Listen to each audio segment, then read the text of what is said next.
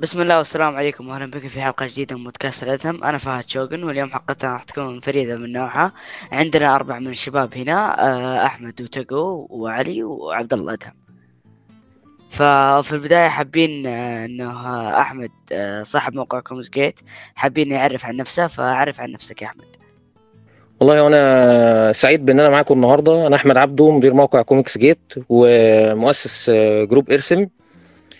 طبعا آه، يعني أنا ليا اهتمامات كثيره جدا آه، من ضمنها الكتابة والرسم والترجمة وطبعا مهتم بمجال الكوميكس بشكل عام. وموقع Comics Gate طبعا يعني هو يعتبر حاليا هو أكبر موقع عربي للقصة المصورة. ده بنقدم عليه قصص مصورة في بنقدم عليه قصص أصلية من رسمنا وكتابتنا ونقدم عليه كمان قصص مترجمة. اللي هو شغل مارفل ودي سي وديزني والشغل الكوميكس العالمي بنترجمه وعندنا ارشيف كبير جدا digital للإصدارات للإصدارات اللي هي الكوميكس القديمة اللي هي كانت تصدر في الستينات والسبعينات والثمانينات وكمان يعني في يعني شغالين دلوقتي على مشروع كمان إن إحنا ننزل كمان بإصدارات ورقية إن شاء الله قريب بإذن الله. حلو جدا. كنت عايز أسألك هل الأرشيف بتاعك أكبر من عرب Comic؟ والله بالنسبة للأرشيف الأرشيف اللي هو الإصدارات القديمة لا طبعا يعني أنا هبقى صريح معاك عرب كوميكس طبعا أكبر. بس بالمناسبة أنا برضو مؤسس عرب كوميكس يعني عشان عشان ما يعني أنا كنت عايز أسألك عليه فعلا. ما رحناش بعيد يعني. عرب كوميكس. آه أنا مؤسس. يعني دي, دي معلومة اشك إن أي حد يعرفها يعني. ناس ك... في ناس كثيره مش عارفاها في ناس عارفاها طبعا. يعني أنا أسست عرب كوميكس الأول في 2005 وبعدين بعد كده يعني في خلافات في الإدارة وكده و... فسبت عرب كوميكس وأسست بقى بعد كده Comics Gate حلو جدا يعني. هنا عايز أسألك على مش على عرب Comic بس أنا عايز أسألك سؤال بجد يعني. هو مين اللي, اللي حط عندكم في عرب Comic الإجراءات الدخول المعقدة دي؟ آه ده بالنسبة لعرب كوميكس؟ لا يعني أصلا لو أنت السبب يعني لا مش مني لا مستحيل. لا مستحيل مش أنا. اللي, اللي حاط اللي هي الاجراءات بقى اللي هي لازم تتصل بالموبايل ولازم حد يكلمك ولازم مش عارف إيه ولازم يجمع بيانات عنك.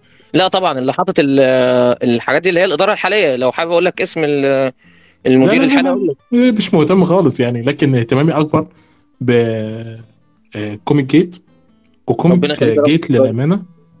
يعني ده شرف لينا ده حاجة تسعدنا يعني. لا لا انت مش أنا يعني بتكلم بجد. أنت عارف أنا أنا من زمان متابعكم على تويتر. من قبل حتى ما تعملوا ال application بتاعكم دوت اللي أنا مش حابه أساسا يعني بالمناسبة.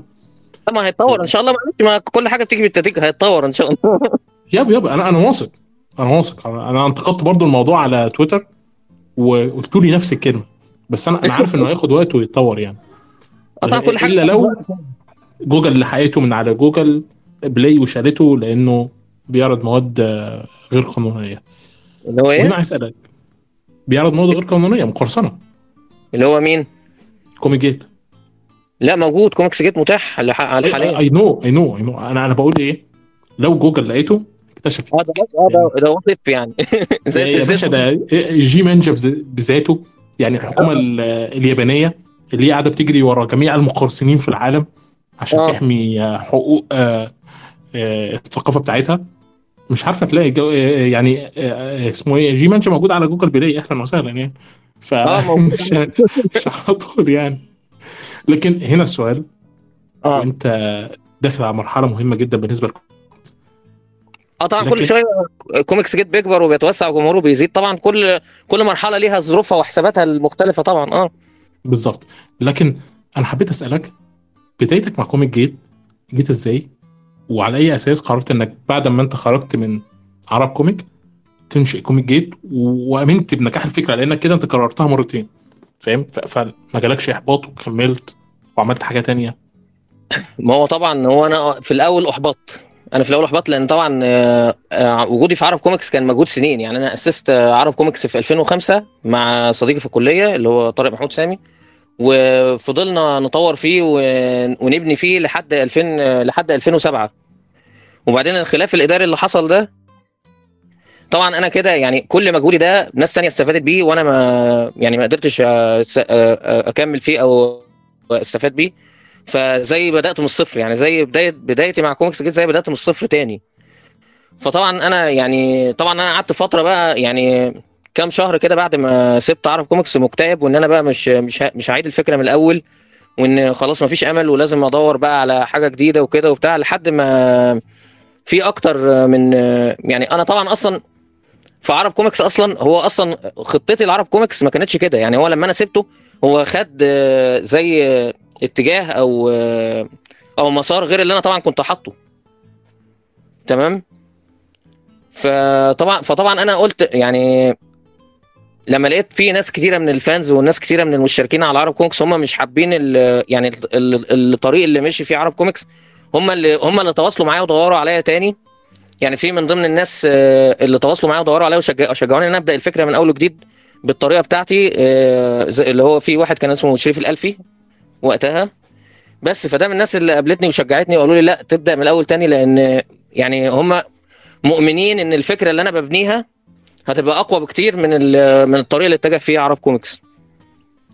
بس فعدت فهم شجعوني إن أنا أعيد الفكرة من الأول وواحدة واحدة بقى بنيت كوميكس جيت. وطبعا كوميكس جيت له خطط تانية مختلفة. يعني إحنا هدفنا في كوميكس جيت إن إن إحنا نبني صرح كامل يفيد الناس ويبقى صرح يعني يبقى موازي لمارفل ودي سي في المنطقة العربية. يعني مش مجرد إن إحنا بنستمتع بالهواية القديمة أو إن إحنا نبني صداقات من خلال وتعرفات من خلال الهواية بس. لأ إحنا عايزين إن إحنا نوجد نأسس base base للكوميكس industry في المنطقة. ندور على فنانين جداد نحمس فنانين جداد إنهم يشتغلوا ويطلعوا شغل سواء سواء أصلي أو مترجم. ف يعني ان إحنا كمان نطور مواهب الناس ونطور قدرات الناس بس ف وطبعا لازم يبقى فيه عائد. يعني إحنا برضو إحنا بنسعى في كوميكس جيت إن يبقى فيه عائد. يعني يعني عرب كوميكس مثلا دلوقتي هو عند فكرة العائد دي مش حاططها في دماغه إن هو متخيل إن هي آآ الكوميكس مش هتنفع تبقى صناعة في المنطقة العربية دي مجرد هواية. هواية ومحدش هيكسب منها فلوس ومحدش هيقدر يستفاد منها. لكن إحنا في كوميكس جيت إحنا حاطين خطة إن لازم في, يعني لازم يبقى في عائد. لازم في وقت من الأوقات يبقى في عائد للناس اللي بتشتغل.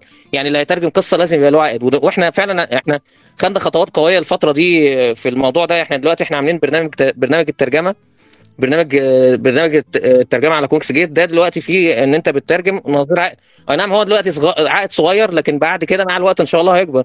وطبعا إن مثلا سواء اللي هيترجم أو اللي هيرسم عمل جديد أو أو اللي أو اللي هيكتب عمل أو لازم الناس دي يبقى في عائد. بس فإحنا يعني دي من الحاجات اللي إحنا شغالين عليها. بس صحيح خليني اقطعك في الحتة ديت لأن أنا عايز أخد النقطة ديت اتجاه إن أنا أروح لعلي. لكن الأول أنا عايز أوضح حاجة يعني. أعتقد إن نظرتك دي بتيجي من كونك شخص متعدد المواهب وفي نفس الوقت عندك عندك نظرة.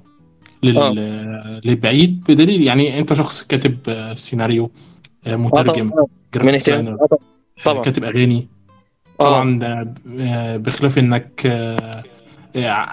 يعني أنت مؤسس كذا مشروع إرسم كوميك جيت عرب عرب كوميك يعني طبعا وكمان في مشروع اللي هو الإصدار الورقيه ده اللي أنا شغال فيه كمان إن شاء الله قريب كمان يعني. صحيح ده, ده هنتجه له بقى بس بعد على طول ما إحنا نعدي على علي. إزيك يا علي؟ الحمد لله والله تمام. احكي لنا عن الكوميك بتاعتك وجات لك الفكرة منين واشمعنى اخترت كوميك جيت؟ شوف من ناحية معينة. من فين جت الفكرة؟ أول شيء تحتاج تعرف إن أنا ما كتبت الكوميك هذا فقط.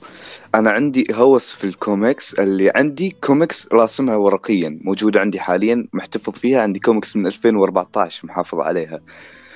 ففكرة الكوميك هذا الكوميك الأخير اللي قاعد أسويه غزو الطاقة المظلمة أو Dark Force Invasion الكوميك هذا سويته وقت 2019 وقتها انتشرت أخبار أنه خلاص زاك ما بيرجع. مارفل نزلت إن المعذرة مارفل نزلت Endgame اللي خلاص ضربة قاضية لدي سي دي سي مستقبلها ضايع اللي أنا خلاص فقدت الأمل بدي سي فأنا كنت fan زاك سنايدر على ذاك الوقت ولساتني يعني. فبذيك الفترة قررت إني أسوي عالم مكمل لأحداث زاك سنايدر اللي كعالم خاص فيني. فمن 2019 إلى 2022 وأنا أكتب في هذا العالم وكتبت كل تفصيلة فيه من كيف انخلق هذا العالم على يد مين وكيف انقسم لأكوان متعددة وتركيز على أحداث رئيسية في حرب بين دارك سايد والهاي فاذر وإنهم بيتحدون ضد شخص اسمه موردو أحد آلهة كريبتون وأحداث جدا كثير كونية بتصير. crisis وغيرها. لين آخر نقطة في الكون إلى كيف هذا الكون بينتهي وليش بينتهي. انتهاء هذا الكون ما بيكون شيء مفاجئ بيكون شيء مبني له من أول لحظة في بداية الكون. ف آه لما سويت هذا العالم كتبته كان الموضوع فقط من باب تضيعة وقت من باب اللي أنا عارف إن هذا الشيء ما عمره ما بيصير ما بيصير لا ك comic ولا كعالم سينمائي. فسويته من باب المسحه اللي كانت كتابة فقط مو صنع comic. فحطيت نفسي كابن سوبرمان اللي هو جسدت شكل ابن سوبرمان بشكلي إنه كممثل من الممثلين. اقتبست أيضا بعض الشخصيات من أشكال الممثلين في واقعنا. فسويت العالم وخلصت وكذا. أه وصلنا ل 2022 كنت طفشان بعد ما خلصت العالم قررت إني آخذ ارك بسيط من هذا العالم أرسله لبعض الأشخاص منهم كم حساب على الإنستغرام كم واحد من اخوياي رسلت لهم القصة اللي رسلت لهم جزء منها. كلهم انصدموا وعجبتهم السالفة فسويتها ل comic. لما خلصت ال comic أو خلصت أجزاء جدا كبيرة إلى الآن ترى النهاية أنا كاتبها ومخلصها بس للآن ما رسم النهاية لأن قاعد أسوي بالصفحات حقت العدد الثاني والثالث. ف أتممت السالفة خلصت العالم رسلت لهم عجبوها وقررت أسويها comic. لما قررت أسويها comic ما كنت ناوي أنشرها. كانت النية فقط أن بيني وبين الناس القريبة مني. لكن فجأة جتني فكرة أني أنشرها أشوف ردة فعل الناس عليها من باب الفعالية.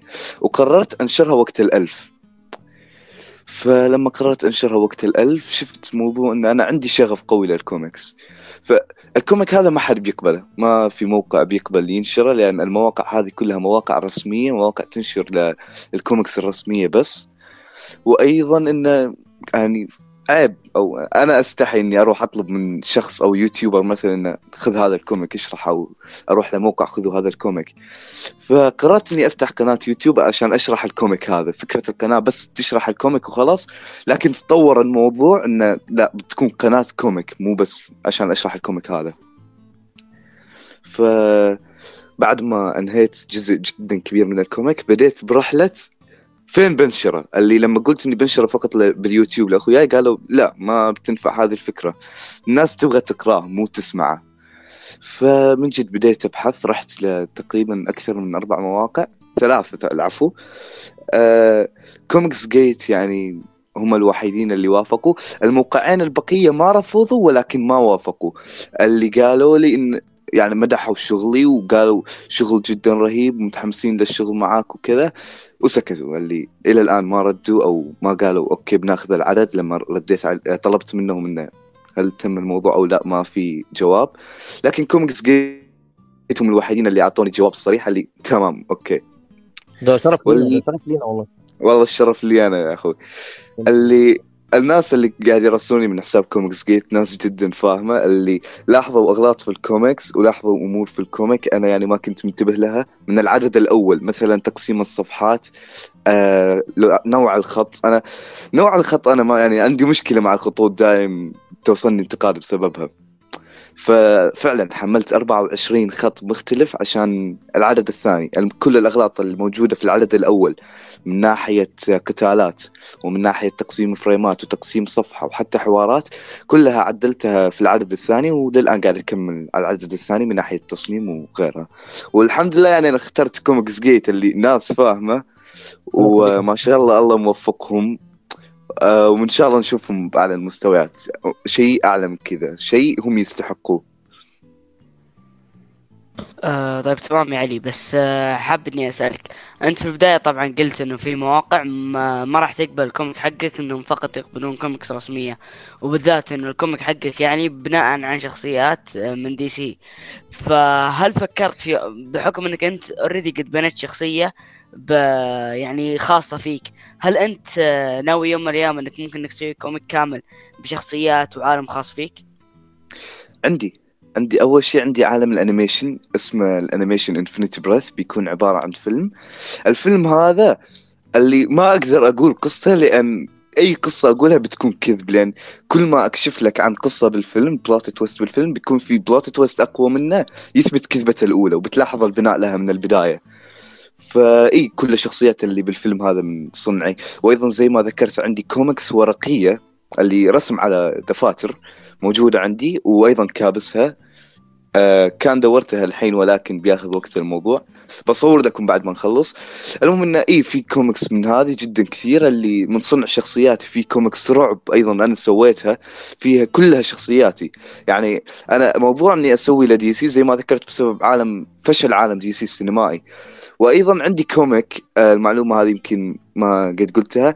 عندي comic كاتب قصته لسبايدر مان. إيش فكرة ال comic؟ وقتها أعلنوا عن Spider إن انتهى فيلم Spider-Man Far From Home كل عرف إن بيتر باركر هو سبايدر مان وانتهى الفيلم. قررت أسوي قصة خاصة فيني بين الأكوان المتعددة والقصة جاهزة يعني بس ما ناوي أسويها comic.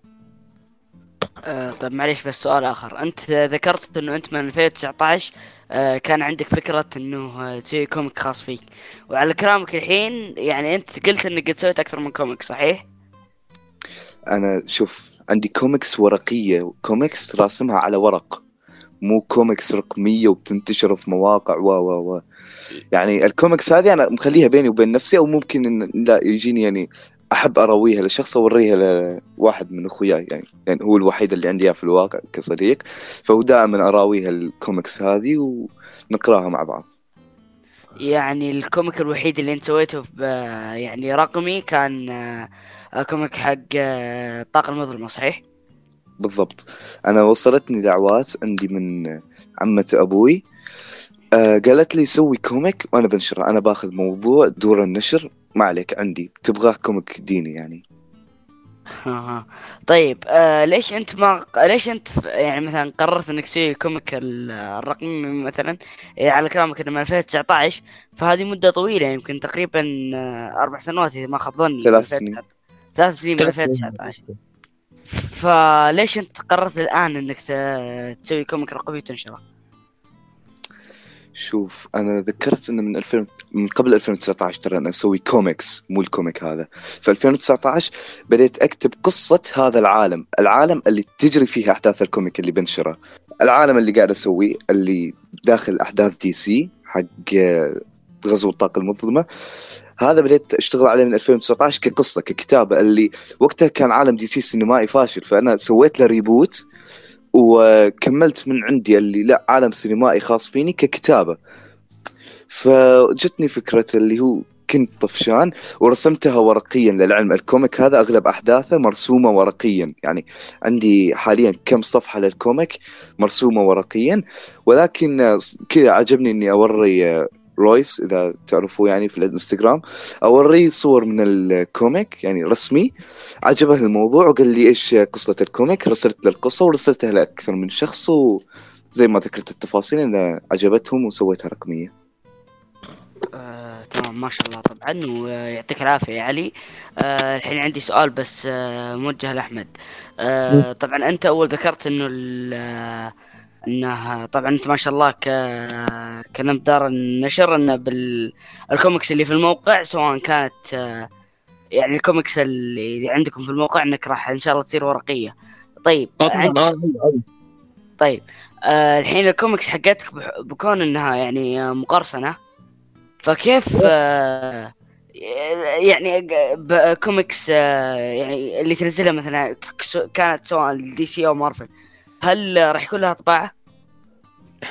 هي دلوقتي الفكرة الترجمة نفسها إحنا دلوقتي قدامنا آه، العمل مكون من حاجتين. في ال ال الرسم الرسم والشغل اللي هو بتاع مارفل ودي سي وفي الترجمة نفسها. الترجمة نفسها دي حقوقها معانا. الترجمة حقوقها معانا. تمام؟ آه تاني حاجة إحنا هنتعاون مع ناشر ناشر كبير. يعني إحنا مش هنن مش هننشر إحنا مش هننشر مننا لنفسنا. يعني إن نقطة إن إحنا ننشر مننا لنفسنا آه، دي ممكن يبقى فيها مشاكل في حقوق الطبع والنشر وكده. لكن إحنا هنتعاون مع ناشر اللي هي مكتبه المعارف الحديثة. ده ناشر كبير ومعروف. المفروض إن هو دلوقتي هو بيشتغل على موضوع الحقوق بس هتبقى حقوق يعني حقوق مثلا ممكن تبقى محدودة لمناطق محددة مش مش مش يعني مش هت مش إن مش إن مش إن هي تبقى حقوق آه يعني هيبقى عليها آه، زي restrictions مش هتبقى متاحة يعني مش هتبقى حقوق آه، لكل العالم يعني. أو لكل ال- أو لكل الم- المحتوى بتاع مارفل أو DC هتبقى يعني هو اللي هي handle موضوع الحقوق ده اللي هي الناشر اللي هي مكتبة المعارف الحديثة. لكن الشغل بتاعنا إحنا أصلا الترجمة نفسها حقوقها معانا. يعني أي حد بيترجم عمل على Comics Gate أو بيقدم عمل على Comics Gate ده غير إن إحنا كمان عندنا اصدارات أصلية. الاصدارات الأصلية أي أي عمل بيتنشر على Comics Gate بتبقى حقوق العمل معانا. دي من حقنا إن إحنا نشتغل عليها. تمام. آه، يا أحمد هو مش قصده مش قصده ال آه، يعني الفكرة إن عندنا دور نشر كتير في الوطن العربي بتنشر مانجا مقرصنة و comic مقرصنة محدش بيراجع وراها. منها دار نشر مشهورة جدا عندنا في مصر يعني مش هقول اسمها هنا طبعا. لكن غالبا أنت تعرفها أو على الأقل اتقابلت مع صاحبها يعني في معارض ال comic وال والأنمي. أيوه. تمام؟ دوت بي- ك- مكان بيطبع مانجا. طبعا بخلاف الجودة السيئة لكن أعتقد إنك مش هتكرر نفس الغلط لكن كان بيطبع مانجا وتتباع. في عز ما كان السفير ال- الياباني بيمشي في في الايجي كون كان هو بيبيع هو مليون دولار نشر. ما حدش بيتكلم يعني. ليه؟ ماشي ما فيش شركات رسمية تشتكي ما فيش قانون بيحمي بشكل قاطع إلى آخره. لكن لما الشركات الرسمية تدخل الموضوع هيعمل مشكلة. إحنا بنتكلم في إيه؟ بنتكلم في إن إحنا مش معترضين على خطوة النشر. إحنا بنسأل هل بيقع عليكم أي شيء؟ ولا الشركة اللي هي دار المعارف الحديثة أو الدار اللي هتاخد منكم الحقوق بتاعت الترجمة؟ آه تمام هتاخد منكم الحقوق بتاعت الترجمة فمعنى كده إن كنتوا بتبيعوا لها حقوق الترجمة صح كده؟ هي الحقوق هتبقى معانا لكن هو هيبقى تع- هو هيبقى تعاون بيننا وبينهم آه يعني هي تمام. هتبقى يعني هتبقى الحقوق هم طبعا يعني النسخة الورقية هتبقى الحقوق هي الحقوق مع كوميكس جيت لكن هي في النسخة الورقية هتبقى تبع معاهم لأن هم الناشر تمام هل هنا آه، في لو حصل أي غلط في مسؤولية قانونية عليكم؟ هو عامة هو دلوقتي آه يعني أنا عايز هو قال لك إنه هيتكفل بالنقطة القانونية ديت؟ هم المفروض هيتكفلوا بالنقطة القانونية لكن بالنسبة لل Comics Gate هو ال Comics Gate أصلا آه، هو مبني هو الموضوع ما اسموش مقرصن يعني إحنا شغلنا ما اسموش مقرصن هو ده اسمه fan base fan production يعني هو شغل هواه و يعني بره بره الحاجات دي يعني يعني متاحة. ما انت هتلاقي مواقع كتيرة جدا أجنبي بتعمل الشغل ده وما حدش بي ما حدش يعني بيط- بيطاردها قانونيا ولا كده ولا ولا بره ولا DC ولا بيطردوها بس مش مش عارفين يمسكوا أبوهم يعني والله لو عليهم بره ما يسيبوهم. ده فضلوا ورا مؤسس موقع Pirates لحد ما جيبوه يعني. هو عامة مش بيطاردوا كل حاجة. طب ما انت عندك مثلا موقع GetComics ده ما حدش بيطارده ولا حد بي آه معظم المواقع عندنا في الوطن العربي ما حدش بيطاردها ولا مهتم يعني. جم فترة عندنا في مصر شدوا شوية م- مسكوا آه، مؤسس MyCima في اسكندرية وبعد يومين خرجوه الموقع اشتغل عادي. لا وحتى في أمريكا حتى في أمريكا مو- موقع GetComics GetComics اللي هو اسمه GetComics مش Comics Gate Comics Gate ده بتاعنا. آه، GetComic عارف GetComic في أمريكا طبعا. طيب ماشي. ما ده شغال عادي. ما ولا حد بيطارده ولا حاجة والحاجات متاحة عليه عادي. Re- Read Comics Online. Read Comics Online. Get Comics Online طبعا برضه ده يعني open source كل حاجة مفتوحة وبتقراها أونلاين ومفيش أي مشاكل. أنا بقول هم أنا بقول هم بيحاولوا. إنما أنا ما بكلمش يعني آه أنت موجود على ارض الواقع بصفة رسمية. أنا ما, ب... ما بنتقدش المشروع أو طريقة البداية. إنما أنا بتساءل بس. يعني آه، بالعكس أنا فرحان بالخطوة. أنا مو يعني أنا كعبد الله لأن هي في مشكلة في إيه؟ إن في شركات عندنا بدأت تروح تاخد الحقوق من DC و Marvel. يعني مثلا The Killing Joke عند دار محروسة راح أخد حقوقه من آه، من DC. عندنا كمان آه. عصير الكتب أخد حقوق كذا آه، comic وبدأت تنشره الفترة اللي فاتت منها Batman the first the first year تقريبا.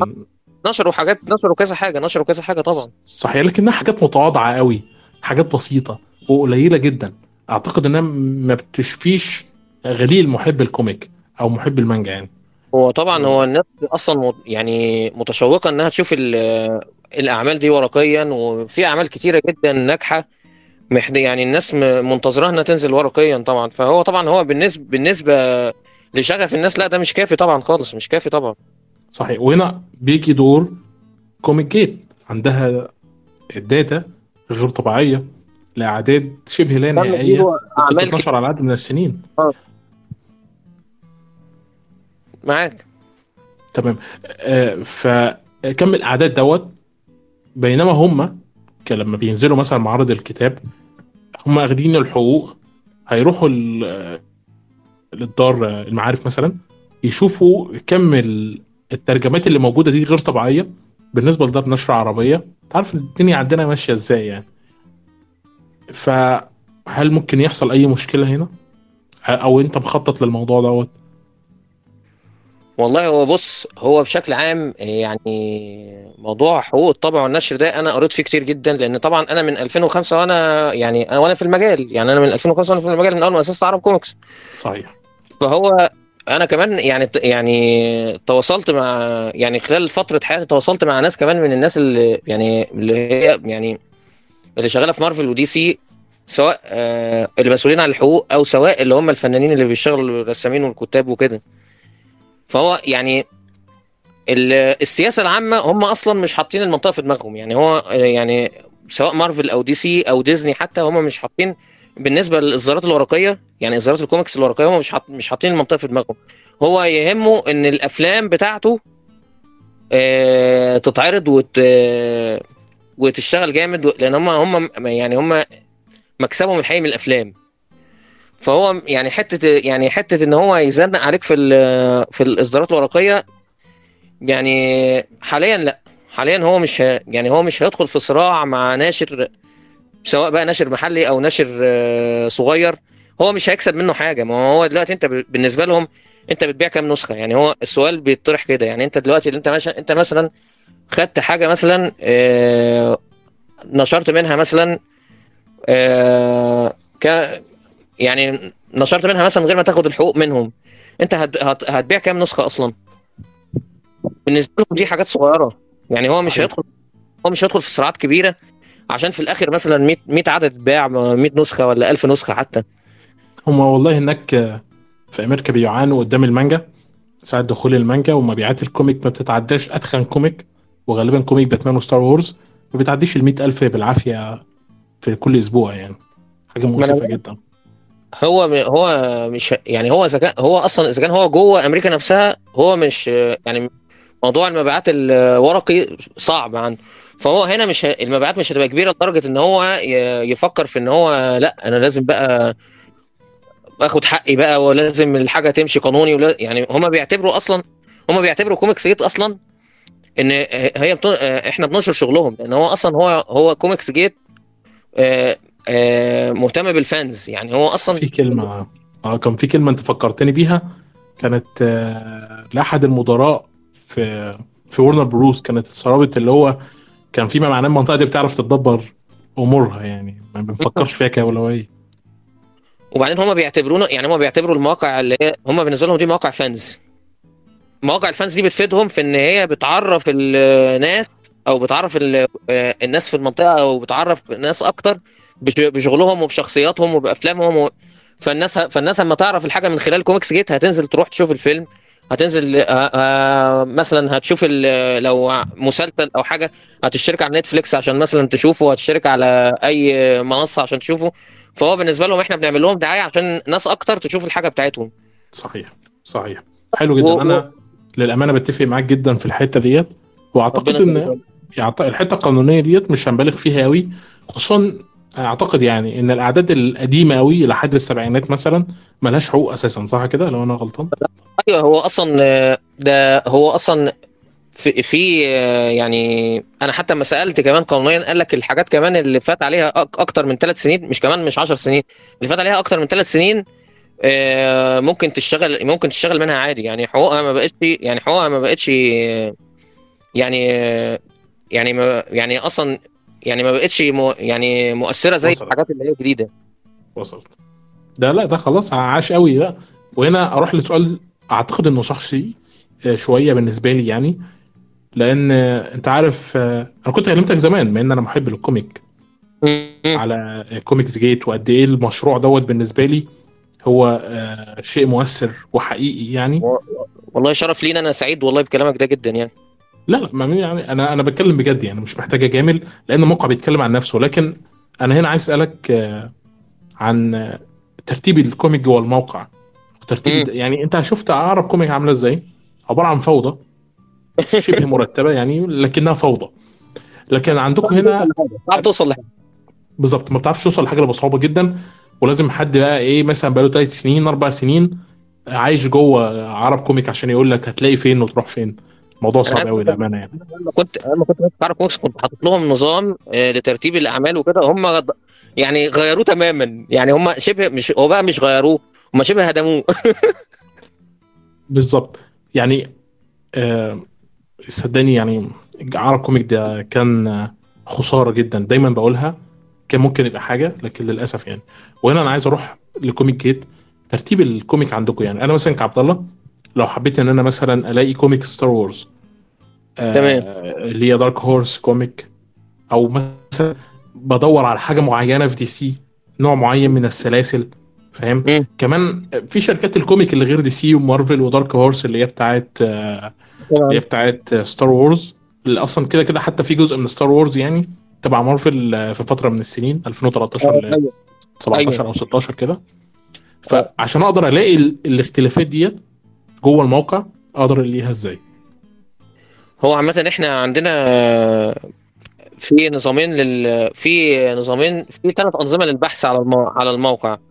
أول حاجة في قائمة الكوميكس الشاملة. دي فيها الأعمال مترتبة بشكل text. يعني يعني الأعمال بترتيبها بلينكاتها زي text. تخش وممكن تعمل search عليها وتوصل للحاجة. وعلى حسب متقسمة طبعا دور نشر وكل دار نشر الشخصيات بتاعتها وال وكل شخصية الإصدارات بتاعتها وهكذا. آه، في. اللي هي في مشروع آه، تا... يعني أنا دلوقتي الموقع لو أنا مثلا دلوقتي أنت عندك الأقسام قدامي أهي منتديات قوائم الكوميك مجلة Comics Gate المتجر الألعاب وعندنا الموقع. تمام؟ فأنا مثلا دلوقتي لو أنا عايز آه. تمام. فانت انت من الموقع الرئيسي انت عايز توصل بقى للقصص نفسها. بالظبط. فانت على ال... على الشمال على الشمال تحت هتلاقي فيه آه، آه، الروابط الرئيسية أو ال- آه، حاجة ت- اسمها الروابط الرئيسية تقريبا. تمام. هتلاقي المنتديات. فيها خيار اسمه المنتديات. تمام. المنتديات اهي. ضغطت عليها. وشبكة الكوميك وتطبيق الموبايل. آه انت هتختار بقى المنتديات. حلو دخلت على المنتديات. على اليمين هتلاقي آه، على اليمين هتلاقي آه، آه، قوائم الكوميكس الشاملة. على اليمين فوق. تمام لقيتها. أيوه. قائمة قائمة الكوميكس الشاملة دي هتلاقي أول حاجة قائمة الكوميكس المطورة. حلو جدا. المشروع ده. المشروع الجديد ده المشروع الجديد اللي أنا كنت بتكلم عليه بقى اللي هو إن قائمة الكوميكس المطورة دي بقى ليها أسلوب بحث بقى أسهل بكتير اللي هو معتمد على ال- ال GUI mode أو ال graphical user interface اللي هو إن أنت بتدور أنت دلوقتي بتوصل للكو- للكوميك اللي أنت عايز تقراه عن طريق آه، يعني مثلا عن طريق الصور. فمثلا أنت عايز مثلا مارفل هت- هتدوس على لوجو مارفل آه، عايز سبايدر مان هتدوس على صورة سبايدر مان ال- السلاسل كل سلسلة بال- بالأغلفة بتاعتها بالصور بتاعتها بال logo logo السلسلة نفسه. بس فدي يعني بتبقى مريحة أكتر في البحث وإن أنت سهل إن أنت توصل من خلال الصور والأغلفة القصص والشخصيات. عظيم عظيم. فده ده مشروع إحنا شغالين عليه بقاله بقالنا فترة آه، فده فيعني إن أنت بحيث إن وب- وبرضه القائمه الأساسية مش هتتلغي. يعني اللي عايز يوصل بال... اللي عايز يستخدم الطريقة دي يستخدمها واللي عايز يستخدم الطريقة دي يستخدمها. وصلت الفكرة وصلت. أنا آه. داخل دلوقتي لقيت حاجات آه، ما كنتش متوقع إنك أنت تفكر تحطها زي مثلا ديزني كوميك Image كوميك ومانجا. أنا شايف إنك حاطط مانجا وشايف إنك حاطط كمان آه، الموتى السائرون بتاعت Image عميل الخوف Death Dealer أنا بجد بجد متحمس إن أنا أشوف آه، الكوميك العادية اللي هي بتنزل في أمريكا وملهاش علاقة بال superhero أشوفها عندك على الموقع. أنا أنا متحمس للحاجات دي للأمانة. طبعا بس هي برضو قائمة قائمة الكوميكس المطورة. إحنا لسه يعني هي لسه في مرحله فطبعا في ح- يعني في يعني في أعمال لسه ما ضافتش ليها. يعني لسه طبعا. في أعمال طبعا لأن هي عايزة لأن هي عشان هي database هي فكرة قائمة الكوميكس قائمة الكوميكس المطورة. إحنا الفكرة إحنا عايزين نعمل database لكل الإصدارات العالمية تبقى متاحة على قائمة الكوميكس المطورة. إن الناس آه، آه، يعني سواء اللي اترجمت أو اللي ما اترجمتش يعني الناس أي حاجة تدور عليها تبقى موجودة ويبقى فيه آه، على الأقل يوصل يعني لو هي مت- مترجمة تبقى موجودة مترجمة لو مش مترجمة على الأقل يوصل للغلاف وبيانات عنها ده شيء ده الأمانة شيء مذهل وأنا كنت مهتم جدا إن أنا أسألك عشان شخصيا وعشان اللي بيسمع عشان حتى الشباب اللي بيهتموا بالكوميك بشكل عام فطبعا طيب فطبعا. تمام أنا كنت هسألك بقى هنا على أحمد شخصيا. آه. آه، أنا آسف. كنت هسالك على علي. آه، أيوه. الكوميك بتاعت علي رأيك فيها؟ والله يعني أنا شايفها إنها مبشرة بالخير. يعني هو أصلا هي الكوميك بتاعت علي فيها إحنا ليه إحنا وافقنا عليها؟ هي اولا فيها ميزتين. اولا إن ده يعتبر عمل أصلي يصنف عمل أصلي. هو مش يصنف هو مش يصنف هو مش آه، مش عمل آه، يعني هو مش مش ناقل من آه، يعني هو مش آه، مش مت... يعني مثلا مش عمل مترجم ده عمل أصلي. مش ناسخ ومش. عمل مترجم. آه ومش عمل مترجم هو ده عمل أصلي. بس مبني على شخصيات دي سي. فهو فهو يعني هو يعتبر fan art fan art مبني على شخصيات دي سي. لكن العمل نفسه كأحداث هو أصلي. وكرسم وكرسم هو مش يعني هو مش مش واخد رسومات من من دي سي وناقلها لا هو راسم الحاجة بنفسه. هل في أمل إن آه، العمل بتاعه في يوم من الأيام يتطبع وينزل آه، يتباع للشباب؟ في أمل بس ما أنا بقول لك أنا لسه جاي لك في الكلام. هو دلوقتي الميزة إن هو ده ده يعتبر عمل أصلي مبني على آه، شغل دي سي. دي دي حاجة. آه، تاني حاجة هو يعني في في يعني هو مع الوقت هيتطور عن كده. يعني هو ممكن يعني هو ممكن دايما حتى يعني حتى الناشرين الكبار بيبقى أول عدد حتى بيسميه عدد zero عدد half اللي هو بيبقى لسه بيجرب ال tools بتاعته يعني بيبقى بيجرب الأدوات بتاعته. هو هو على فكرة هو هو أنا من العدد اللي شفته هو فنان موهوب يعني هو راسم راسم وكاتب وحاطط آه، وباني آه، باني زي story arc وباني عالم أو عالم للأحداث بتاعته. ف فدايما دايما ال- دايما الفنان لما بيبدأ بيبقى بيبقى إيه الأعداد الأولانية بتبقى تمهيدية أو تجريبية. يعني مش شرط يعني مش شرط إن تكون دي من الشرط ده إن ده إن ده يكون الشكل النهائي للسلسلة. لا لا يعني طبعا مش الشكل النهائي. هو الواحد بس بيقول على آخر السلسلة هل في احتمال إنها تطبع؟ لأن لو هتطبع أنا عايز أشتري واحدة شخصيا يعني. هي يا إخوان طماط. إيه؟ إيه؟ قاعد أقول ترى تخجلوني. لا لا لا ده أكتر من كده والله أكتر من كده. أنت عامل مجهود أصل طبعا أنت عامل مجهود لازم الواحد يكيد بالمجهود. يعني ليه؟ لأن المجهود ده أصل أنت لو ما دعمتوش وما وقفتش جنب جنبه آه، مش هتشوف مش هتشوف اللي أحسن من كده. هو يقدر كمان يعمل أحسن من كده. لازم الواحد يعني في ناس ممكن يعني مثلا المواقع مثلا اللي اللي مثلا ما ما ردتش عليه أو ما وافقتش على العمل أو دي هم أنا شايف إنهم غلطانين. ليه؟ لأن انت هو دلوقتي عايز حاجة مثلا بروفيشنال عن كده أو عايز حاجة مثلا أو مثلا عايز حاجة برؤية معينة لا انت لما لما تقف جنبه وتدعمه هيعمل حاجة أقوى أقوى من اللي انت متخيلها. أنا قلت له قلت له أنت؟ شغال شغل فريق كامل. آه يعني ده هو أصل انت يعني احسبها إن ده اولا فان وبيرسم وبيكتب والشكل النهائي كمان كتحرير هو اللي بيعمله. فهو هياخد وقت على على ما ي... على ما يتمكن من أدواته لكن هو الأدوات موجودة. الأدوات والموهبه موجودة. فطبعا هي ك... كعدد تمهيدي يعني أنا بالنسبة لي أنا في رؤيتي المتواضعه أنا شايف إن ده مثلا ده ممكن يعتبر زي issue zero أو issue half اللي هو عدد تمهيدي. هو عايز أقول لك آه هو عايز أقول لك إحنا كمان أول ما أول ما استلمنا العدد يعني أول ما بعت لنا العدد إحنا على طول قلنا له الملحوظات اللي هي ممكن تنقل العدد اللي بعد كده نقلة تانية.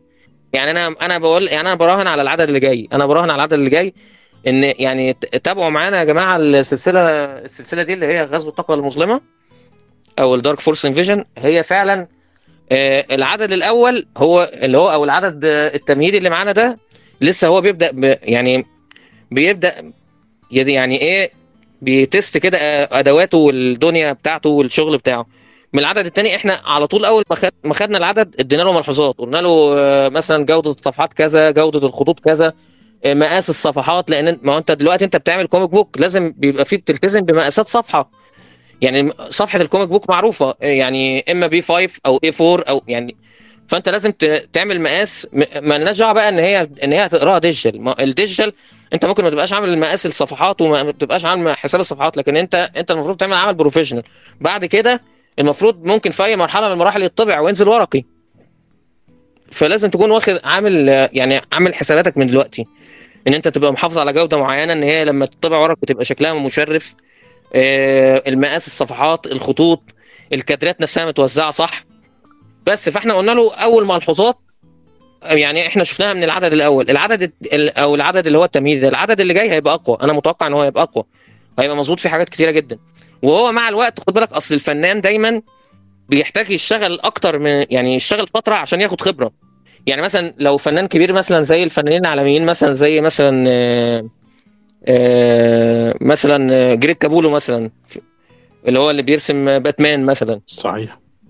شوف له حاجاته القديمة قوي هتلاقيها مختلفة عن عن الشغل اللي هو المبهر اللي هو بتاعه بقى في مثلا في سلاسل زي New 52 زي باتمان Rebirth ال- يعني هتلاقي إن الفنان بيتطور بيحتاج فترة على ما يتطور ويوصل لل... لل...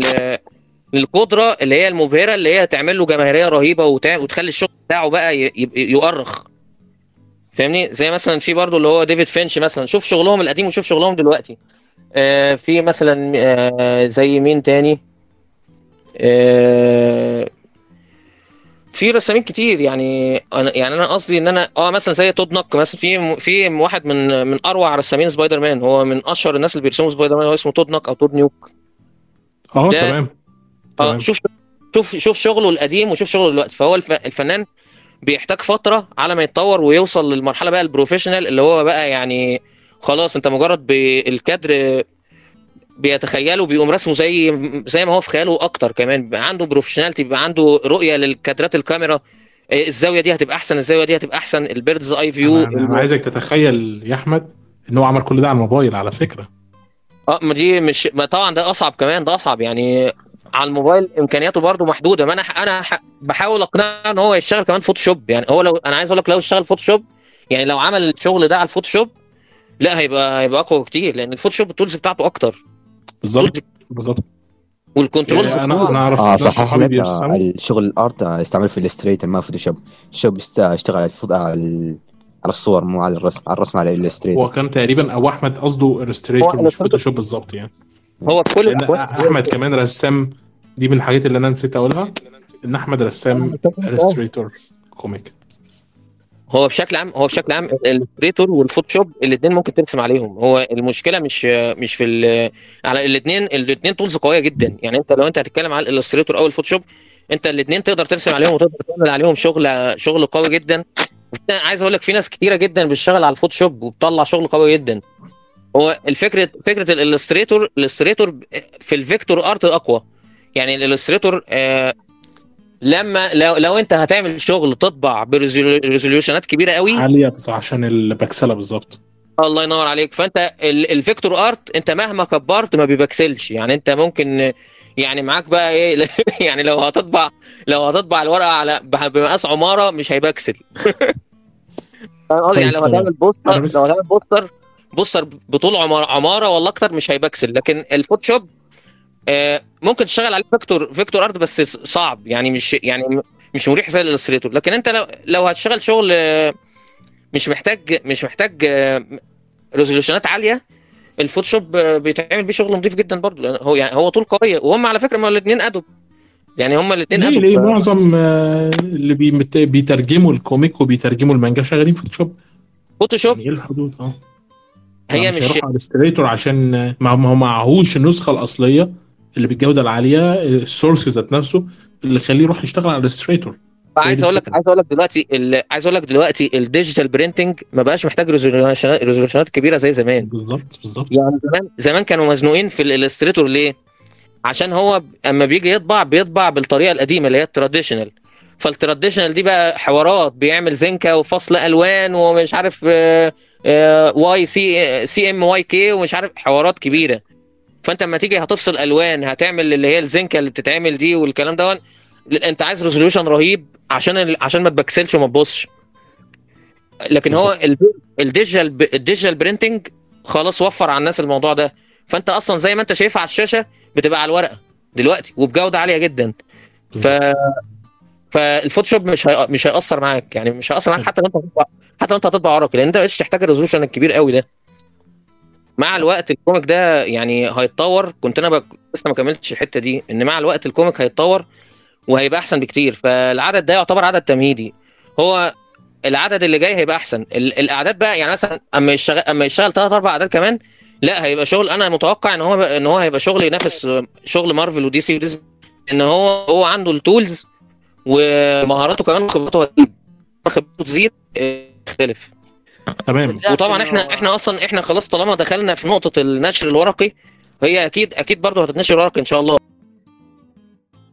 okay. أنا عندي سؤال وبعد كده المايك هيروح لشوجن وبعد كده أنتوا الشباب هتظبطوا الدنيا مع بعض. تمام بحيث انكم لو في أسئلة ليكوا أو لبعض آه، لأحمد أو لعلي ظبطوها يعني. تمام. أنا السؤال بتاعي في comic قديمة زي تنتان وزي آه. آه، سلاحف النينجا. هل أنتم. مهتمين في كوميكس جيت انكم تركزوا على الحاجات ديت ولا تركيزكم. الاكبر على عالم ال superhero؟ آه لا طبعا ده مهم جدا ده مهم جدا. ال- ال- الكوميكس أصلا كوميكس تنتان ده ده يعني ده أصلا مدرسة خاصة اللي هي مدرسة ال bande dessinée اللي هي ال- المدرسة الاوروبي الأوروبي. كم سنة يا أحمد؟ أنا؟ آه. أنا دلوقتي 38 oh my God oh أنا my God ابدا. يا man والله العظيم. حسيت 25 ولا شيء حسيت 25 أنا ما صدقش ابدا. حد منكم شاف صورته عاملة إزاي؟ أنا خاف عليك من الحسد على فكرة. ربنا يخليك يا رب. والله ما شاء الله يعني. عين عليك برده يعني. حبيبي. الشباب شباب هو طول ما انت طول ما أنت مفعم بالحياة ومفعم يعني وعندك شغف إن أنت تعيش وتبتكر وتعمل حاجة عمرك ما 22 23 لا. عمره إيه؟ 38 انت مش مصدق صح؟ انت مصدق بالله؟ أنا اول مرة لا. شفت صورته على الفيسبوك. أنا افتكرته 19 سنة. كان مع أحمد أمين. ما تو أنا حسبه بعد 18 يعني لكن صوته أكبر اللي هو علي. علي يعني شكله شكل بطريق لكن صوته كبير مره طيب. هو أنا شكيت في سنك.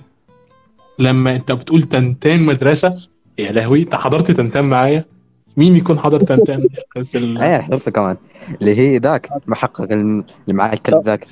طب انت يا عبد الله سنك عندك كام سنة؟ انت سنك كام سنة؟ 26 ماشي في 16. 26 يعني معقول؟ مش بعيد قوي كان نفسي تبقى أقرب بس أعمل إيه بس؟ لا لا حلو حلو لا بس طيب. أنا بتكلم على نقطة إن الشباب شباب القلب. يعني أنت طول ما أنت عندك شغف ومتحمس إن أنت تفيد الناس وتعمل حاجة تعمل حاجة تسعد الناس وتطور مع الناس وتعمل أفكار جديدة ده بيبان على وشك وبيبان على على شكلك. بال- بالعكس يعني- على فكرة بهن- بهنيك لأن أنت عارف إحنا كمصريين فاهمين إيه؟ إن إحنا مجتمعنا مغلق قوي الحاجات الجديدة الناس بتتقبلها وبتتعايش معاها بصعوبة. فكونك أيوة. اخترت طول عمرك إنك تفضل في مجال الكوميك والرسم دي حاجة أنا سقف لك عليها وأعتبرك من, الأبطال الرسميين عندنا يعني. ربنا يخليك يا رب. تسلم ده شرف ليا والله شرف ليا. ما هو يعني أنا طالما يعني أنا بحب الحاجة وعندي شغف إن أنا أضيف آه، للناس قيمة جديدة فيها فلازم أكمل يعني آه، يعني مهما واجهت الواحد صعوبات وعقبات يعني هو في أكبر من أنا في أكبر من الموقع اللي أنت بنيته تفقده في لحظة وترجع تبني من أول وجديد. يعني آه، يعني الواحد لو ما عندوش الشغف الكافي وما عندوش الإيمان هو ده على فكرة هو دايما ربنا بيختبر الواحد في في إيمانك بالحاجة. يعني أنت لو أنت نفسك مش مؤمن بنفسك عمرك ما هتنجح. صح ف... يعني هو الانسان دايما فعلا يعني آه، لو معظم الناجحين كان عندهم دايما كلمة أنا آه، كنت عارف إن أنا هوصل أنا كان عندي ثقة في إني هوصل. كان عندي إيمان كان عندي إيمان إن أنا هوصل. وإيمان في نفسي إن أنا هقدر أقدر أعمل ده. يعني ناس كتيرة جدا من اللي هم السي اوز والناس الكبار اللي هم حققوا نجاحات آه،. مشاريعهم اتهدد واتبنت أكتر من مرة. صحيح. وناس كتيرة آه، ناس كتيرة يعني بانوا حاجات واتطردوا منها و ورجعوا لها ورجعوا لها تاني عشان عشان الناس مح- محتاجاهم. يعني مثلا عندنا مثلا زي ستيف جوبز. ستيف جوبز بعد ما أسس أبل هو اتطرد منها. صحيح. اتطرد منها. نجحت نجاح مذهل عملت ثورة في, في صناعة ال animation والتحريك باع أيوة. ديزني رجع ابل حاجة قصة مذهله في الحتة دي آه ورجع ابل ليه؟ هو رجع ابل ليه؟ ابل خلاص كانت بتنهار يعني هم أم بعد ما أمنوا إن هم من غيره خلاص هيضيعوا فرجع رؤية. وهو هو. الأول من المشاريع الأول المشاريع الجديده بقى اللي هي من أول بقى الآيبود الآيباد الآيفون اللي هي بقى اللي, اللي أصلا الدنيا كلها دلوقتي ال digital يعني ال communication كلها وال systems اللي مبنية عليها أصل, دلوقتي. أصل هو كان عنده يعني الشركات التانية كانت بتجري في الموضوع فلو آه، اسمه إيه آه، مؤسس آبل لو كان اتأخر سنة سنتين للشركة كنت هتلاقي كل الشركات ديت سبقت آبل سنة سنتين على الأقل. امم يعني أنا عايزك مثلا تعرف يعني قبل ما يتم إطلاق الآيفون الرسمي كانت جوجل مم. شغالة على الأندرويد في السر مع اتش تي سي ك كشركه تعاون وأول جهاز أطلقته بعدها بسنة. يعني بعد أيوة. ابل تم سنة 2006 أول جهاز أندرويد سنة 2007 أيوه صح. فبالتالي آه يعني دايما الأفكار المتجددة وهو رؤيته للحاجة اللي هو ماسكها ومؤسسها وشايف هي شغالة إزاي هو مؤمن بإنها بتمشي كده. آه أيوة. تمام. آه أنا أول حاجة أنا عايز عنده إيمان. حاجة- ايمان يعني بصوا له كمثال عشان دايما كل ما حد فيكم يفقد الشغف يبص لنفسه في المراية ويفتكر آه أحمد آه اللي معانا النهارده. عمل ربنا إيه؟ في يخليك يا حياته رب ده شرف. والله ده شرف ليا بجد. لا لا الشرف لينا أكيد إحنا آه، بجد. أنا أنا هقف هنا وهسلم الشباب المايكات. اللي عندكم أي أسئلة لأحمد أو لعلي اتفضلوا ظبطوا الدنيا. يعني فبس أنا عندي سؤال لأحمد. ممكن السؤال يعني يرجع ورا شوية.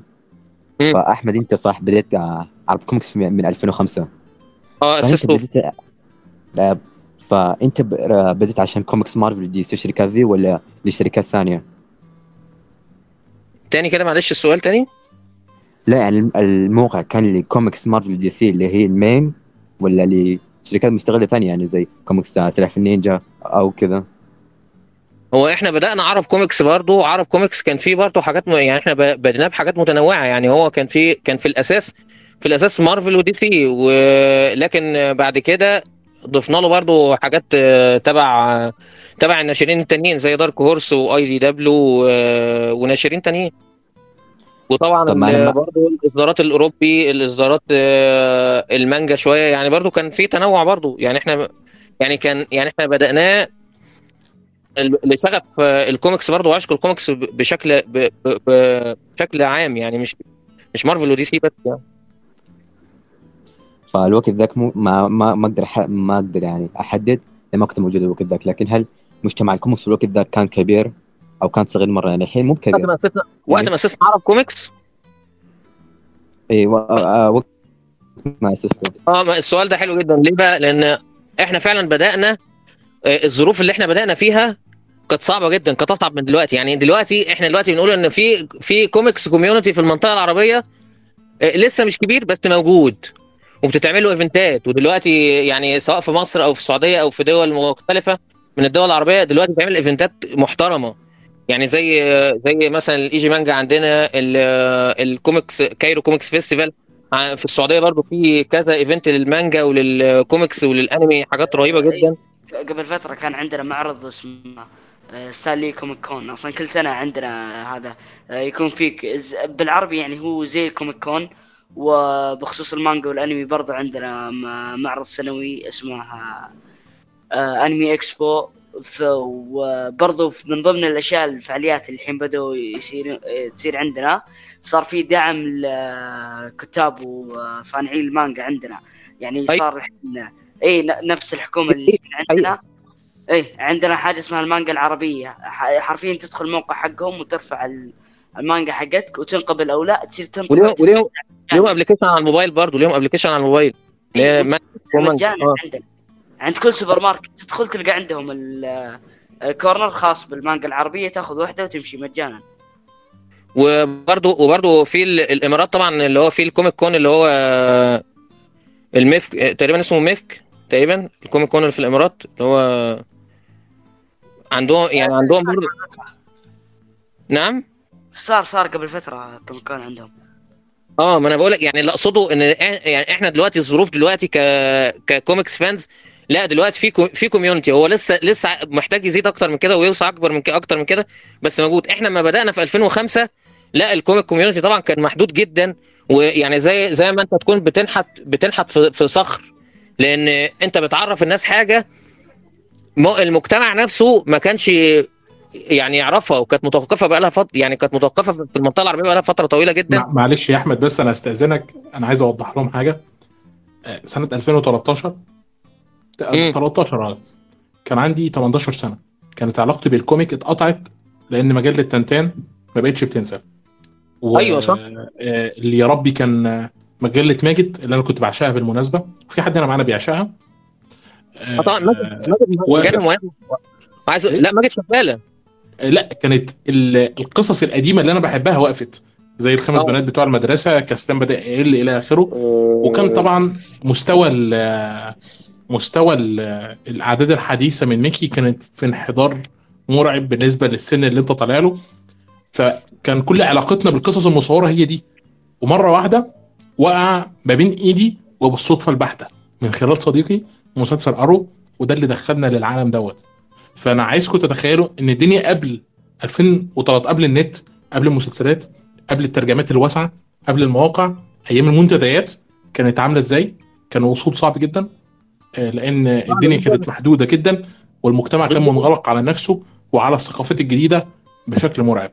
واما بتيجي تكلم الناس عن حاجة عن حاجة جديدة هم مش مش قادرين يفهموها مش قادرين يستوعبوها. فابسط حاجة إن أنت لما تلاقي حاجة مش عارفها يعني إحنا المجتمعات العربية عندنا أما تلاقي الحاجة مش عارفها آه، بتقول إيه؟ بتقول وحشة وخلاص تريح دماغك أو ما تهتمش بيها. يعني ما بيبقاش عندك ع... ما بيبقاش ما عندك عناء إن أنت تبذل مجهود عشان تفهم. ال community ده أو الصناعة دي أو الفن ده. يعني طبعا دلوقتي الدنيا اتغيرت بس أنا بقول لك زمان كان الموضوع صعب قوي قوي و... وبعدين إن...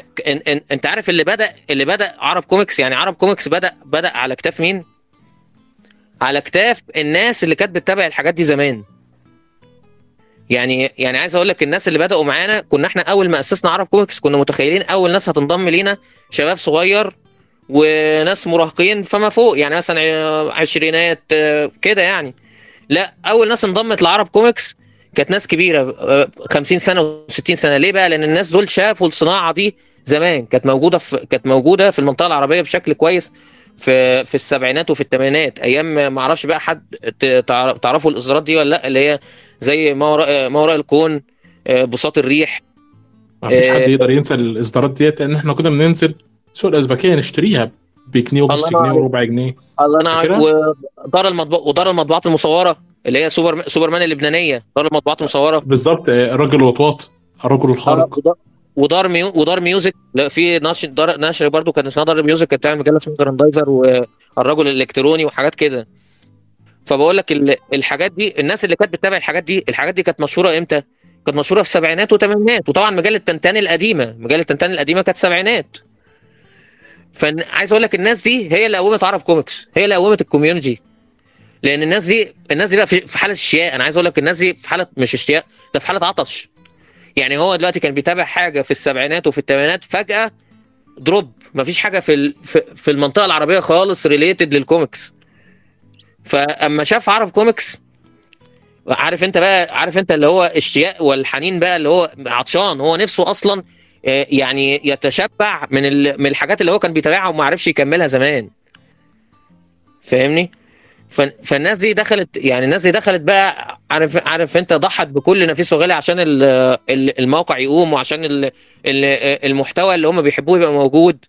فالناس دي عايز أقول لك يعني كانوا فعلا مجتهدين جدا في سواء بقى في الترجمة في توفير الإصدارات القديمة في توفير بس فطبعا فطبعا يعني الوضع كان مختلف عن دلوقتي. دلوقتي على فكرة إحنا عندنا فرصة بقى إن إحنا نقوم صناعة. ليه؟ لأن دلوقتي في community دلوقتي في community يعني ال community دي مع الوقت هتزيد ومع الوقت ممكن إن أنت تعمل حاجة تقدر تبيعها وتقدر وتقدر توفرها للناس. وزي ما إحنا مثلا لما أنا لما أنا اتكلمت عن الإصدارات الورقية أنت دلوقتي يعني أي نعم مش هتبيع كتير لكن أنت في ناس هتشتري. فاهم قصدي؟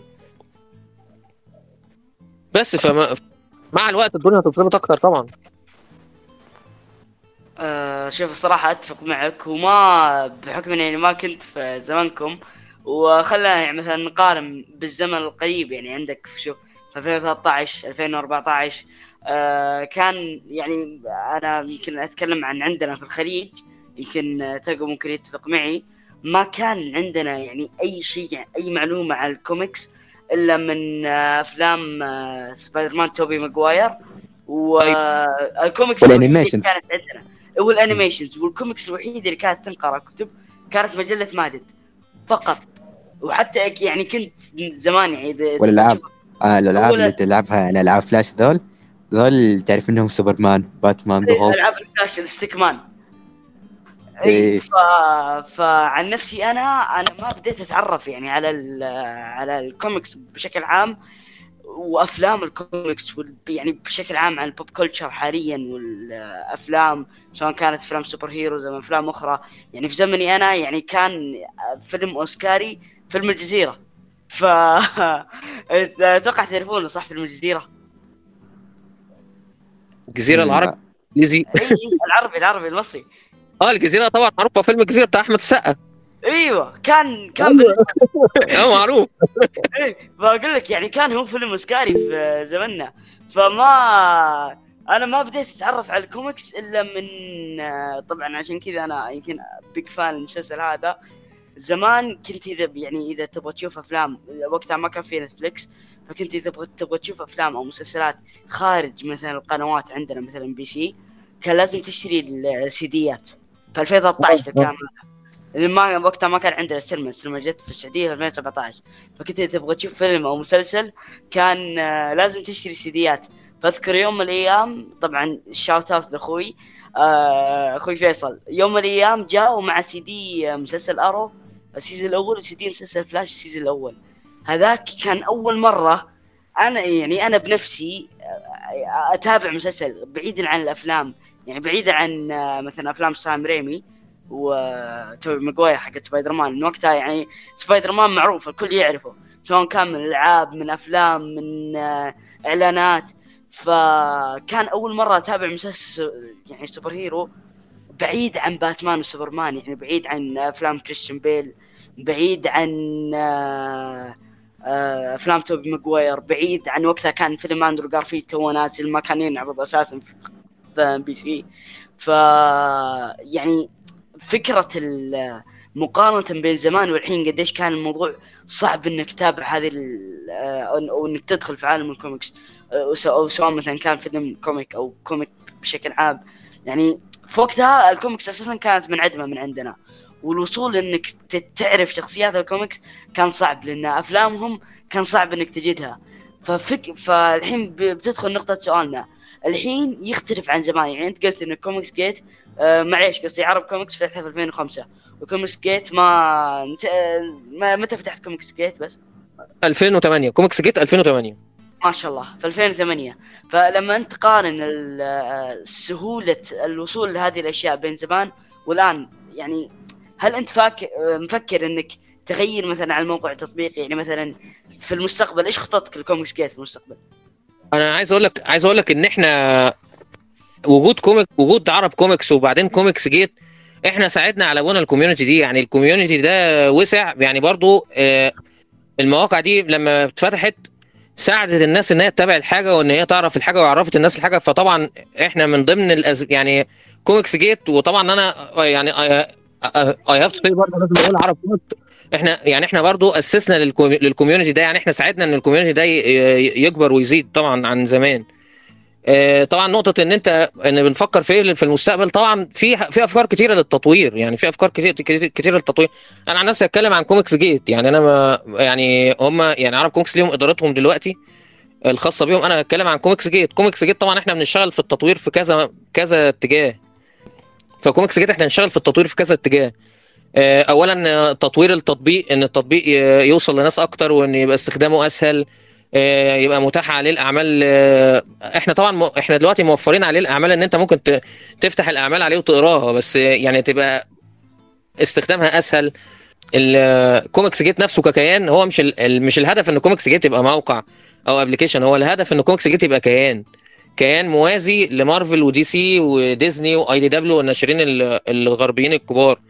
فاحنا كمرحلة كم- كمرحلة يعني طبعا غير تطوير ال digital إحنا طبعا عايزين مع الوقت إن يبقى في كمان إصدارات ورقية وإن نبقى موجودين على الأرض بإصدارات ورقية إن الناس تقدر تتابع الحاجات دي تاني وبجودة عالية وبجودة نظيفة ونقدر نوصل للناس بسهولة بسهولة. وعايز أقول لك إن إحنا في الخطة إن إحنا لو وصلنا ان لدرجة إن إحنا يعني مبيعاتنا كبرت وبقت فعلا آه، م- مبيعاتنا من الورقي ومكاسبنا كبيرة. why not إن إحنا ناخد الحقوق مارفل ودي سي بالكامل. يعني يعني ليه إن إحنا ن- يعني يبقى في تعاون بيننا وبين مارفل ودي سي وديزني ويبقى في حقوق فعلية لل- للإصدارات بتاعتنا. آه، يعني غير كمان يعني آه، يعني مش يعني يعني إحنا مع مش مش معترضين على فكرة إن إحنا ناخد ناخد الحقوق بس لما نقدر إن إحنا آه، نقدر إن إحنا إحنا نت- نتح يعني يبقى في مبيعات تقدر تشيل تشيل أصل هم حقوق مارفل دي سي مش مش حاجة صغيرة يعني بتبقى أرقام كبيرة جدا. فأنت لو انت لو أنت عندك ال scale اللي تقدر اللي هتقدر تبيع و... وتوزع فيه الكم ده عشان تقدر توفر الحقوق دي فليه لأ؟ ليه لأ؟ ما هو ما فيش حد ما فيش حد يعني ال... يعني إحنا إحنا بنحاول نسعى إن إحنا نظبط الموضوع برضو قانونيا بأقصى درجة ممكنة. فأنت لو أنت عندك لو أنت وصلت لل scale تقدر تاخد بيه حقوق مارفل دي سي ليه ما ناخدهاش؟ فده من ضمن الحاجات طبعا اللي هي برضو آه، أفكار التطوير آه، برضو إحنا. آه، عايزين كمان إن نخش في مرحلة لو الدنيا وسعت إحنا عندنا يعني دي هتبقى آمال وطموحات إن إحنا طبعا يبقى في. وليه ما يبقاش في إنتاج ما إحنا عندنا أعمالنا إحنا دلوقتي إحنا برضو بنسعى إن إحنا يبقى عندنا أعمالنا الأصلية إحنا على فكرة كوميكس جيت دلوقتي في أعمال أصلية يعني في إصدارات أصلية أي نعم ما زالت مش بالقوة اللي هي ممكن تأسس عالم أو إحنا من ضمن الأحلام بتاعتنا إن يبقى في CG universe زي ما في مارفل universe ودي ودي سي universe إن يبقى في CG CG universe CG universe هو كوميكس جيت universe. إيه، يبقى له شخصياته الخاصة الأصلية. ولذلك إحنا بنهتم قوي بال... بالناس اللي بترسم شغل أصلي وبت... وبتقدم original art و...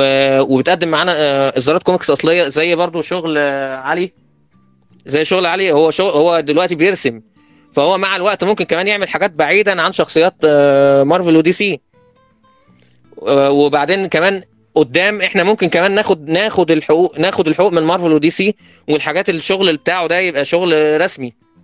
تا- تابع ل DC مفيش أي يبقى تعاون ما بين Comics Gate و DC فالفكرة إن إحنا آه، يعني من ضمن مشاريعنا إن يبقى في Comics Gate universe Comics Gate universe ويبقى في إصدارات أصلية وكمان لو الدنيا وسعت يعني اعت- اعتبروني إنسان حالم إن لو الدنيا وسعت ليه ما ليه ما ننتجش أفلام وألعاب ورسوم متحركه زي بره؟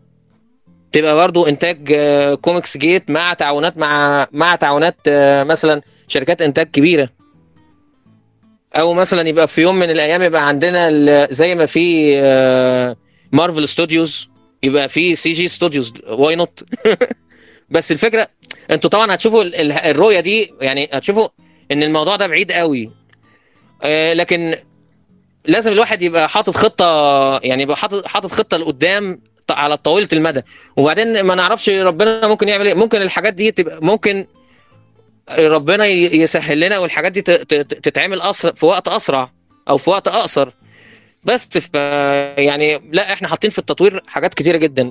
برضو إحنا حاطين في التطوير إن يبقى الناس اللي إحنا عايزين نحبب الناس إنها تشارك في المحتوى بتاعنا وتعمل محت... وت... وت... وت... وتنمي المحتوى بتاعنا. فسواء الناس اللي بتترجم أو الناس اللي بترسم أو الناس اللي بتكتب أو حتى لو بقى في إنتاج بعد كده الناس اللي اللي اللي, اللي بتصور وبتخرج وبتعمل شغل آه، معانا الناس دي لازم يبقى ليهم عائد. فبرضه من ضمن خطط التطوير إن يبقى في عائد من الشغل ده. بس يعني. فإن شاء الله يعني يعني Comics Gate يعني مش عارف هو أنا عايز أقولها بالبلدي زي زي فرشه فرشة كبيرة يعني. يعني يعني لا في أفكار كتيرة لا هيستحمل. ما تقلقوا في حاجات كتيرة قوي ممكن نعملها على على على ال base بتاعت Comics Gate يعني. بس إن شاء الله خير يعني. ما شاء الله طبعا والله يوفقكم. الله يخليك. وصراحة لما قلت إنك تبغى تكون آه، ان تك- تكون كيان يعني بالذات إنه عندنا إحنا في العرب بديل آه، Marvel و DC مرة انبسطت ذا الكلام. لكن أنت قلت إنه عندكم آه، تبغون تنمون المواهب مثلا زي آه، علي. فسؤالي جاي موجه لعلي. فعلي أنت الحين ال comic اللي راح تسويه اللي هو حق الطاقة المظلمة. فإذا مثلا انتهيت من ال comic خلصت من ال comic هل عندك أفكار للمستقبل؟ بالذات إن الحين أنت طبعا شغال لحالك يعني أول عدد آه، كنت شغال لحالك والمقتطفات والصور اللي ورثنا إياها كلنا كانت جدا جدا رائعة. بالذات يعني كل شيء أنت على كلامك إنه كان لحالك. فهل المستقبل آه، تفكر إنك تسوي كوميكس أخرى أو مثلا على كلام أحمد إنه تتشارك أنت وبعض الكتاب والرسامين الآخرين وتسوون زي ال universe لكن في الكوميكس؟ شوف والفكرة جدا واردة خصوصا إن ال animation حق Infinity Breath اللي تكلمت عنه قبل شوي آه قصته يعني بالنسبة لي اشوفها جدا رهيبة اللي تقريبا موجود فيها كل شيء تحتاجه موجود فيها الميثولوجيا حقت الفراعنة الميثولوجيا الإغريقية وأيضا موجود فيها بعض الأفكار اللي ممكن تلاحظ شبه فيها في الأنمي. موضوع قتل الشياطين من أنمي Kimetsu no في تشابه بسيط لكن بتلاحظ اختلاف كامل في التطبيق. فال animation الأغلب قالوا إنه ممكن ما حنقدر نشوفه لأن آه يعني أنا للآن آه، ما كلمت مواقع على عرضه لأن ال animation للآن أشتغل عليه الموضوع بيكون يتعب. لأن الثانية الوحدة لازم أرسم لها 60 رسمة للثانية الوحدة. فالموضوع شوي تعب وياخذ وقت وأنا حاليا دراسة وال comic هذا وحسابي على انستغرام وقناة اليوتيوب فهذه كلها أمور بتسبب ضغوط أكبر علي. فحاليا قاعد أرسم تقريبا يعني دقيقة في اليوم وخلص فالموضوع بياخذ فترة طويلة. فمن باب إنه ممكن إني أحول هذا ال animation ل comic comic منفصل فيه أفكار ما يعني الشخصيات فيها بتكون شخصيات original شخصيات من صنعنا فيب هو ممكن. لكن من باب اللي هو خطة آه لا أنا ما عندي خطة إن في المستقبل ممكن أكمل في مجال ال comic أو أنشر الكوميكس. يعني ممكن أكملها انه كورقي زي ما ذكرت انه كهواية اللي أرسمها عندي وأخليها عندي كذكرى وخلاص. لكن كنشر ما أتوقع يعني من بعد الطاقة المظلمة ممكن أنشر إلا لو جابت يعني رأي جدا إيجابي. أنا للحين الآراء السلبية جدا قليلة وملاحظات بسيطة. الملاحظات اللي ذكروها مثلا كوميكس جيت رغم إنها ما تعتبر آراء سلبية بل نقد مثل إن آه، موضوع ترتيب الصفحات والخط اللي عدلته في العدد الثاني. وأيضا موضوع آه، جاني انتقد عليه اللي هو قالوا الرسم شوية يحتاج لتعديل أو سيء. ف هذه أمور ممكن تتطور في المستقبل إذا ركزت عليها لكن أنا ما أتوقع إني بكمل في المجال.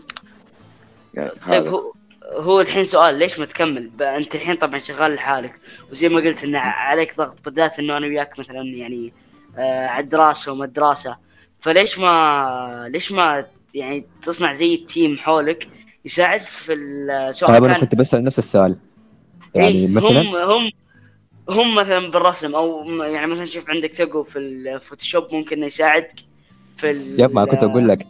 آه لأنه أنا وأنت علاقتنا ما كانت قويه جدا أنا وأنت عليه يعني أنا ما عرفت الا من فترة قريبة كعلاقتنا بقت جيده وأنا ما عرفت إلا بقى على كهواش كهواش. تهاوشنا على لا زاك سنايدر لا يعني الوقت يعني بسبب الهوش هذيك أنا إيش بقت علاقتنا قوية. فأنا ما عرفت إلا بالكوميك قريب. فكنت بقول لك يعني كلمتني في أي وقت أقدر أساعدك على أي شيء على رسم على أي شيء. شوف يعني هو الموضوع آه، موسى أنا شوف أنا فيني مشكلة أهلي سجلوها حتى للمدرسة كذا كتبوها في رسالة لهم وقت ما طلبوا ايوب الطالب. كتبوا لهم الطالب خجول زيادة. ممكن ما تلاحظوا الشيء هذا لأني أنا عادي كلمني عليكم زيادة.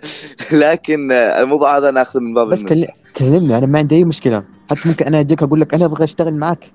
بس يعني اشوفك ان أنت مشغول. يعني بس تعالي في اي وقت ما أنا أمزح تعالي في اي وقت أقدر أسوي لك أي شيء. أه ما تقصر لكن موضوع انه مرات أطلب مساعدة من الناس يعني. آه في حال ما تدرون لا يعني أنا ما إنسان يعني مشغول. عندي يعني زي مثلا أحمد يعني أحمد مشغول عندي موقع كامل فالموضوع يكون صعب ما ما أنا إنسان فاضي. شوف أحمد ما يتقارن أحمد يعني عنده سبعين ألف سبعين ألف موهبة يسوي يشتغل عليها في ما أقصد أحمد إنسان مشغول. عايزة متابعة طبعا عايزه يعني إحنا بنحاول نطور كل الناس في وقت واحد الموضوع مش مش سهل بس أنا في رأيي كمل. أنا أنا نصيحتي كمل. ما, ما أنا ما مو إنسان يعني خبير في الشيء ذا. فممكن تجيني تكون كبداية كذا تجمعك معك كم واحد اثنين ثلاثة أربعة جمعهم حولك يساعدوك في الشغل؟ راح آه، يسرعوا الشغل يخلوه أفضل. ولما لما تمشي قدام راح تتطور. تدري هي والله والله فيها فكرة. أنا آه ذكرت آه خليني أذكر النقطة الأولى حقت اللي قاطعت فيها وأكمل على هذه النقطة حقت الفريق. نقطة شو اسمه ان ذكرت لكم إن عندي قناة في اليوتيوب وفي ملحمة جاية في القناة. يعني قاعد أحاول إني أنزل مقاطع تسليكية حاليا لين ما تنزل اللي هي ملحمة Dark Crisis ال comic الأخير ل DC بشرحها في القناة. بيشارك في شرح الملحمة هذه يعني أصوات مدبلجين. آه بيشارك في حساب على الانستغرام اسمه هاز دب يعني حساب معروف في دبلجة الأنمي بيشارك ترافيكرو صاحب قناة كوميكس على اليوتيوب وكم واحد ثاني من أخوياي. حرفيا أنا طلبت مساعدة في الملحمة هذه من أكثر من 26 شخص. من بين ال 26 هذول انرفضت من 22 واحد. اللي أغلبهم كانوا يرفضون في اللي رفض بأدب في اللي شافه وسحب علي وفيها اللي طردني اللي روح ماني فاضيين لك قالها بصريحه العبارة هذه. فهذا أحد الأسباب اللي يخليني إني ما أطلب مساعدة دائما اللي أستحي إني أنجحد. ف في ناس أيضا قد طلبت منهم مساعدة من ناحية الرسم اللي بغوا آه، عائد مادي. أنا شخصيا ما أخذ عائد مادي من ال comic كيف بعطيهم هم العائد المادي؟ فاشتغلت على الموضوع لحالي. لكن تدري والله فيها فكرة لأن أنا ذكرت أن عندي أفكار كثيرة للمستقبل. العالم هذا حق دي سي أقدر أسوي منه سلاسل ما تخلص. عندك فريق التايتنز اللي متكون من سوبر تين ودونا تروي نايت وينج زاتانا وولي ويست الخمسة هذول عاشوا طفولتهم مع بعض في لهم قصص كثيرة. عندك التين تايتنز الفريق اللي يدربون تحت يد آه، التايتنز بإشراف من الجاستس ليج. عندك الجاستس ليج نفسهم الجاستس سوسايتي مركز عليهم عالم أبوكاليبس والهاي فاذر والشلة هذول. حتى لوسيفر وبريزنس واللي معاه حتى هذول مركز عليهم وعلى هواشاتهم وعلى إنهم ترى لهم يد جدا كبيرة في كل الأحداث اللي قاعد تصير وإنهم قاعد يحاولون يوصلون نقطة كل شخص منهم قاعد يحاول يوصل نقطته. الشيء هذا بسبب نهاية العالم يعني ما أحاول أدخل في تفاصيل كيف بيجيب الموضوع هذا. وأيضا حتى عندي كوميكس من مارفل محضرها اللي عندك سالفة في عندي comic لسبايدر مان ينتقل فيه بين الأكوان وفيه سبايدر مان بقوة دكتور. العفو بقوة دكتور سترينج. القصة هذه مارفل فشختها مني في وات إف يعني بعد ما سويت القصة شفتها موجودة بوات إف بحلقة الزومبي بعد شهرين تقريبا. فاللي ك... حتى البدلة حقتها كانت سوداء وفيها الخطوط فيها صفرة. كان الموضوع يعني مرة بعيد اللي أخذت موضوع سبايدر مان من واحد في نيويورك لمدى جدا بعيد اللي بين الأكوان وغيرها. اللي سبايدر فيرس لكن بشكل أفضل مطور. وأيضا عندي كوميكس آه من قصتي الخاصة عندي كوميكس آه رعب. يعني قاعد أسويها وعندي إياها جاهزة. وعندي حتى كوميكس آه لشخصيات آه يعني من صنعي بالكامل وبينهم القتالات والحوارات. وفي كوميكس واقعية كوميكس اللي تشرح شيء معين آه، من حياتنا الواقعية بدون فايتات وبدون أمور خيالية وغيرها. أنتم بتلاحظون شيء بال comic وقت ما ينزل؟ اللي هو أول عدد كذا cute وكذا اللي الشخصيات يعني بيذكر ان فلان مات وفلان مات ما. ما بتنحط لكم مشاهد صريحة لكن في العدد الثاني بتشوفون يعني كذا في صريح العبارة بتشوفون جثث في كل مكان بتشوفون واحد أحشاء طالعه واحد يده مقطوعة و... بتشوفون هذا الشيء وقت العدد الثاني ما ينزل بعد أسبوعين مم.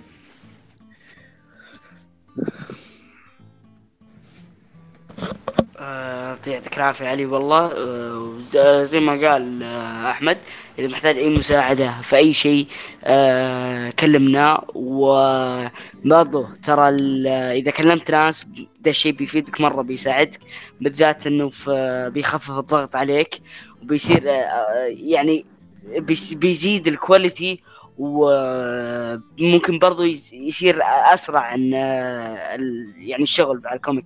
يعني ممكن العمل ياخذ الكم الفصل الثاني ممكن.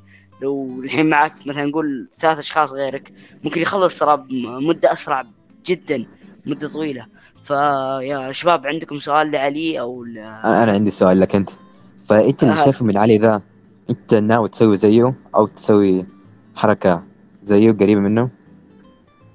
آه لا يعني إذا قصدك مثلا comic أو animation أنا أشوف إنه صعبة جدا بالذات إنه على الدراسة الحين يعني في ضغط كبير جدا جدا جدا. وأنا بالياللا ألقى وقت عشان أسوي فيه البوستات وأسجل الحلقات. ف... اي توني قاعد أقول؟ ف شو اسمه فما ما أدري ممكن يعني ما ما أنكر ذا الشيء لكن ما ممكن في المستقبل يعني. أنا عني أنا صراحة. فأنا حاليا يعني عندي حساب كوميكس. يعني يشوفون ننزل post كل يوم فالناس يحسبوني متحمس حق كوميكس أنا fan die hard ال hardcore لكن أنا حرفيا جالس استعمل المحتوى الكوميكس طريقة عشان أحقق هدف أنا أبغى أسويه. أنا بكون graphic designer حاليا قاعد أستعمل فوتوشوب لي خمس شهور أشوف مستوى جيد. أبغى اتطور أتطور أصير graphic designer آه ف وبسحب على ال... أسحب على الكوميكس واصير graphic de... graphic designer full time كل ما هي... آه ما هي IT. ما هي قرب لها وظيفة. أما أنا حاليا الكلام حق علي علي حمسني صراحة. يعني أنت مثلا يعني علي ما يبغى يكمل عشان وقت الدراسة أو ما عنده أوقات فراغ. أما أنا مثلا أنا إنسان عندي أوقات فراغ كثيرة لكن ما أعرف أستغلها. عارفين اجلس ما أسوي أي شيء لفلف في السوشيال ميديا بس. آه أما الدراسة آه الناس يشوفوا الدراسة كأنها عذر. بالنسبة لي ما عذر. يعني ما لما أكلم أخوي في, آه في المدرسة يقول أنا متكبر متكبر في الدراسة دي. لأن أقول لهم الدراسة الدراسة مو صعب تدريدك ما راح تأخذ منك طويل. فأشوف الدراسة بالنسبة لي ما مشكلة عشان أحقق هدفي. آه، فحق علي دلم قلت له تعال في وقت فراغك عشان أبغى أملأ اوقات فراغي وأكسب خبرة وكم آه، أسوي أشياء مثل أشياء علي. يلا يا عيال عندنا الحماس وعندنا الشغف وكلنا جاهزين. أول ما نخلص البودكاست نشتغل العدد الثالث مع بعض. تعالي الحين الحين الفاضي. ما امزح not joking تعالي الحين والله كلنا أنا أنا أنا ترى قاعد أكلمكم حاليا وقاعد أسوي العدد. قاعد أرسم فريمات منه وش تبغى أسوي لك؟ وأسوي لك الحين. بس تمام. تبغى سكريبت؟ أنا اسوء واحد اكتب سكريبت في العالم بسوي لك واحد الحين. كله plot holes وأغلاط املائيه بس المهم سويت سكريبت فيا شباب عندكم أي سؤال ثاني؟ آه سواء كان عبد الله واحمد عندكم أي سؤال ثاني لعلي واحمد أنا كان عندي نصيحة برضو لعلي كنت عايز أقول له أوجه له نصيحة برضو. آه خذ راحتك.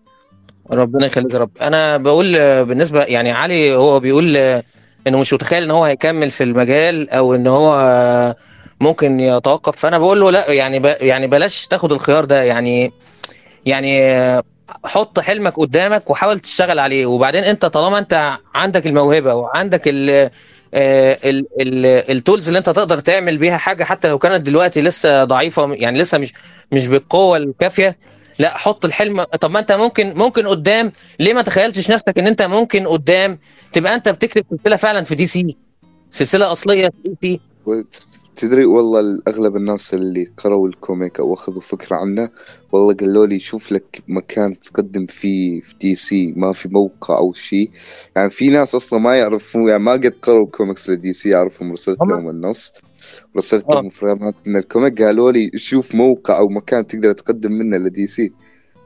طيب أنا أديك خبرتي أنا برضو أنا من 2005 وأنا ب... يعني في مراسلات وفي تواصل مع مارفل ودي سي وديزني والناس دي بشكل عام. هم دلوقتي انت صعب دلوقتي يبصوا لك. لكن انت اما اما تعمل شغل ويبقى مؤثر هم هم اللي هيدوروا عليك. فاهم قصدي؟ يعني انت دلوقتي لسه انت في بداية برضه الطريق. فان انت ان الشغل ان الشغل بتاعك يبقى مؤثر ويلفت انتباههم آه لسه يعني انت محتاج إيه؟ طبعا تطور نفسك شوية مستواك يعلى أكتر آه تظبط نفسك تاخد خبرة أكتر. بس الفكرة اللي أنا بقولها يعني هم يعني انت انت لو انت لو راسلت لو انت راسلت دي سي أو مارفل دلوقتي مش هيردوا عليك.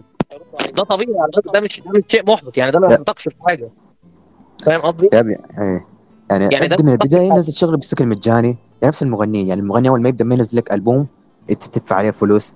يعني أول ما يبدأ ينزل لك mixtape mixtape مجاني في محلات ال... في ال stores يعني تنزل mixtape مجاني في على اليوتيوب. ف لا تنزل بشكل مجاني ما حتربح منه أي شيء. بس راح تكسب خبرة. شركات الانتاج راح تبدا تدور عليك. الله ينور عليك. ما هو ده ده اللي إحنا برضو ده اللي إحنا دلوقتي بنحاول نس... نشتغل عليه مع مع علي في كوميكس جيت يعني إن العمل هيبقى متاح مجانا ناس أكتر هتشوفه ناس أكتر هتعرفه. هو هيبقى عنده أما يلاقي ناس بتحمل الحاجة وبتقرأ الحاجة وإن الحاجة منشورة هيبقى عنده حماس إن هو يطور ي... ي... ينزل أعداد أكتر يطور من خبراته أكتر ي... ينمي من مستواه أكتر. الشغل اللي بعد كده يبقى أقوى. فالنقطة اللي أنا بقولها إن انت حط الحلم قدامك ان انت ممكن طب ما انت ممكن يوم في يوم من الأيام تبقى انت بتكتب سلسلة في في, دي سي أو مارفل. ممكن في يوم من الأيام تبقى انت مثلا بترسم سلسلة في, في دي سي أو مارفل. بس مش دلوقتي. انت محتاج ان انت تكتسب خبرات أكتر عشان هم بعد كده انت لما تبقى عامل حاجة مؤثرة هم اللي هيدوروا عليك مش انت كمان اللي هتراسلهم. هم اللي هيدوروا عليك ويقولوا لك طب ما تشتغل معانا. طب ما تشارك معانا في كذا. طب ما- ناس على أنا عايز أقول لك في فنانين عالميين كتير من اللي شغالين في. في مارفل ودي سي واي دي دبليو. ودارك هورس كلهم آه يعني ما بدأ ما بدأوش في مارفل ودي سي كلهم بدأوا في حاجات هواه حاجات صغيرة جدا عاملين حاجات آه زي زي اللي هي بيسموها آه زي اللي هي indie, comics أو يعني اللي هي co- comics حرة اللي وبعدين بعد كده مارفل ودي سي وديزني لما هم مستواهم بيعلى بتتبناهم وبتبدأ تعمل معاهم شغل فيعني فاهمين قصدي؟ إي بالذات إنه الحين أساسا يعني عندنا في الوطن العربي يعتبر زي ال prime لل comics وال super heroes لأنه بدأت تنشئ تنشئ عندنا يعني من يوم من نزول سبايدر مان نوي هوم للآن آه، fans ال comics و fans ال super heroes في تصاعد يعني بالذات آه، تقو أنا وياه لاحظنا من يوم ما نزل سبايدر مان نوي هوم في فئة معينة عرفت يعني فانزات شخصية معينة فكانت مشاكل ما طلعت إلا بعد فترة عرفت؟ يعني ذول النوعية من الناس ال fans فجأة كلها فتحت حسابات كوميكس. إيه فجأة أيوة. كذا بوم كل الناس فتح حسابات كوميكس عرفت؟ و بقى ترند بقى ترند ال ال ال الصناعه نفسها بقت ترند بقت trending إلى الآن يعني مو ترند اللي عرفت الترندات يجيك مثلا فترة وتختفي يعني مثلا قول زي آه، زي Stranger Things مثلا يعني كمسلسل هو ما إيش مشكلته؟ إنه مو ك- يعني مو طول الوقت مكمل الترند معه مو طول الوقت الناس تتكلم عنه. ما ليه آه، فهو يعتبر عرفت الترند اللحظي على العكس مثلا الكوميكس. بعد شوية يعني بعد كام شهر تلاقيت نسى إي أول ما يخلص المسلسل آه، أنا نسوا الناس. على عكس مثلا الكوميكس اللي عندك أفلام من عام 1000 و... يعني مثلا إذا بنتكلم عن ال MCU من عام 2008 إلى الآن. فالناس طول الوقت بتتكلم عنه. هي ميزة صناعة الكوميكس إن هو فن تراكمي. أنا عايز أقول لك أنا عايز أقول لك سوبرمان من 1930 آه. بدل من 1960 آه شخصيات كتيرة جدا من من فترات قديمة قوي يعني قبلنا بكتير.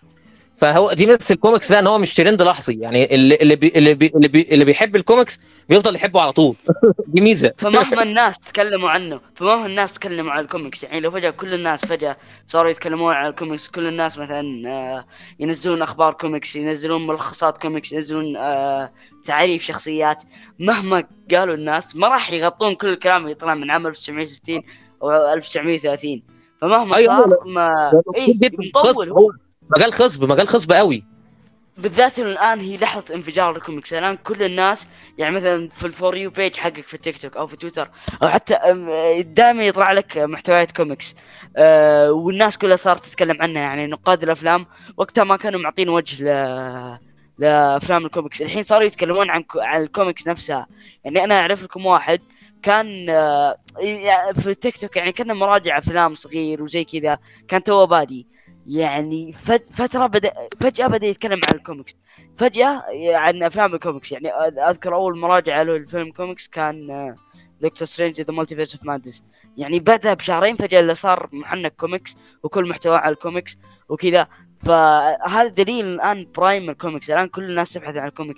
اطلع في الشارع بتلقى واحد لابس تيشيرت مارفل اطلع في الشارع بتلقى واحد مثلا كفر جواله سبايدر مان بالذات مؤثرة. ومنتشره ميزتها- إنها مؤثرة ومنتشرة يعني الشخصيات الكوميكس إيه. مؤثرة قوي اي بالذات ف- الآن لأن الحين بدأوا ينشهرون بشكل مو طبيعي. ما ال- ال community بتاع الكوميكس في المنطقة العربية بي- بيزيد وهيزيد بسرعة الفترة الجاية. يعني الفترة الجاية كمان هيزيد أكتر كمان هيزيد أكتر. جدا ف- يعني ق- قارنوا من عام آه، كمل هي هي ميزة إن أنت يعني أنت لما تبقى في ال- في ال community ده من بدري أو في الصناعة دي من بدري الحاجة دي لما تكبر أنت تبقى أنت من من الرواد فيها. ممكن ت... يعني سواء سواء عملت شغل وحققت مكاسب أو سواء آه، كنوع من ال... إن الناس إن أنت تبقى عامل اسم في المجال يعني أنت الحاجة دي لما تبقى بادي فيها من, من الأول بتبقى يعني هتبقى أقوى بكتير. يعني أنت يعني هت يعني الموضوع اما يكبر هتبقى انت من الرواد فيها. ده دي برضو ميزة دي ميزة من الحاجات يعني. وممكن انك برضو تنشئ ناس ثانيين يبدون يتكلمون عن هذا الشيء. يعني أنا عن نفسي ما بديت انزل على كوميكس إلا لما اثنين آه معليش ثلاثة هم اللي يساعدوني آه واحد طبعا معتزل كان مسمي نفسه كوميك هود آه الحين مسمي نفسه ديفكس هو معتزل. وواحد ثاني اسمه آه، حسين. وواحد ثالث اسمه صالح. هذول اللي خلوني آه، أبدأ في محتوى الكوميكس. يعني أنا أقرأ كوميكس من يمكن 2019 وفي أفلام عالم ال superheroes من يوم ما انولدت وأنا fan أيوه خاصه خاصه محتوى الكوميكس في الانستا اتطور مرة. يعني مثلا أنا كبدايه ما كنت أعرف كنت ببدأ في التيك توك. ما حد كان أتوقع معلومة جديده انت وعلي ما تعرفون كنت بديت في التيك توك.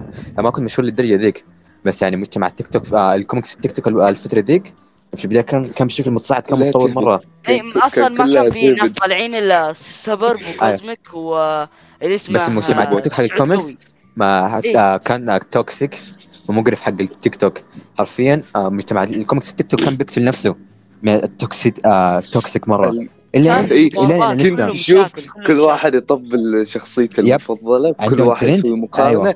أي شخصية كذا تصعد يلا نقارن شخصيتي فيها وشخصيتي إلا تفوز مجتمع مجتمع مجتمع كوميكس أنا بعطي الفضل شكل آه لشخص واحد انه خليه يتصعد اللي هو حسين إذا ذكرته آه آه حسين سحس. حسين هو يعني هو روحي لنا. هو هو أنا أشوف هو هو ال number واحد في صناعة الكوميكس. هو آه يعني ك design ما في واحد ما هو, أول واحد يهتم بالتصميم. التصميمات حقت الكوميكس آه حقت المحتوى حق الكوميكس كان سيء جدا. حرفيا أنا ما بديت آه يعني أول أول شيء حسابي أنا بديت يعني أنا أقدم منكم إنتوا على في انستا لو عارفين صح؟ فأنا بديت بسبب سحس حسين حتى بديت است... آه، آه، أهتم بالتصميم بسبب حسين. حتى حسين يعني ما كان بيضرب نظام متكبر اللي أنا كان بيساعدني مع إنه يعني كان هو فايدني بدرجة كبيرة بس لسه هو بيساعدني. حتى إنه حاليا بيقول بأنه أنا مصمم أفضل منه مع أشوف انه هو مثلي الاعلى في التصميم وفي صناعة المحتوى. يعني آه الله يسعده في دراسته بأنه آه اعتزل الحين. إيه، فأشوف ال number 1 أشوف أشوف هو ال godfather لصناعه الكوميكس العربية في الانستغرام. آه صحيح برضو يعني شوف أنا يعني لا معليش بس بقارن بين أول والحين. يعني شوف تصميم أول post لك اللي هو كان عن آه عن لوبو. قارنه ببوستاتك الحين. شوف فرق التصميم. يعني كان ما ينقرأ. وأنا أذكر كنت بنزل post عن عن ال multiverse حق مارفل. يعني ما ما كان ينقرأ ال post. أنا الحين أفتحه. ما أستهبل ما اقرا ما أنا ما أعرف إيش كتبت. ما أعرف أصلا المعلومات اللي كنت كاتبها صح ولا غلط. مو قادر أقرأ شيء. في الألوان فهو كان يعني كان كان مرة مرة مساعدني. حتى أذكر في post هو يعني كان اللي سوالي هو اللي حرفيا هو سوالي التصميم وقام قال لي ها خذ مدري نزله وحط عليه كلام. فايضا يعني قارن بين محتوى الكوميكس زمان والحين. يعني زمان مين كان فيه؟ آه يعني اللي اللي بدوا بدوا في الكوميكس كان في في محتوى الكوميكس في انستا. كان في عندك آه في كان كان عبد اللطيف اي وسحس و... وريفن و... وهازارد وأنا. اي اي يعني أنا مثلا متى بديت أتوقع كان في سبتمبر؟ أنت بديت شهر اثنين أتوقع؟ أكتوبر لا لا لا لا سبتمبر سبتمبر 2020 لا أنا شفت حساب أكتوبر. أنا أنا بديت August. أول أول من أول يوم. أول يوم نزلت فيه. سحس وريفن أنا شفت و... السحس ونيفر آه وريفن عبد اللطيف كلهم أتوقع بدوا من شهر ستة أو شهر خمسة. أنا أول post لي كان عن كيم باركر في 27 سبتمبر 2021 أنا أول يعني post لي كان مع لوبو كان حق لوبو. ال post حرفيا كان تعاون مع سحس الجزء الأول عندي الجزء الثاني عند سحس يعني حتى منه التصميم حقي آه يعني شوف لو دخلت post حرفيا الخط مضروب. ما تقدر تفهم أي شيء. انت حتى خط خط أبيض على الكتابة ما كنت محاوط عشان يعني نقدر نركز إيه؟ أكثر في القراءة. اي ف أنا أول post لي أول post.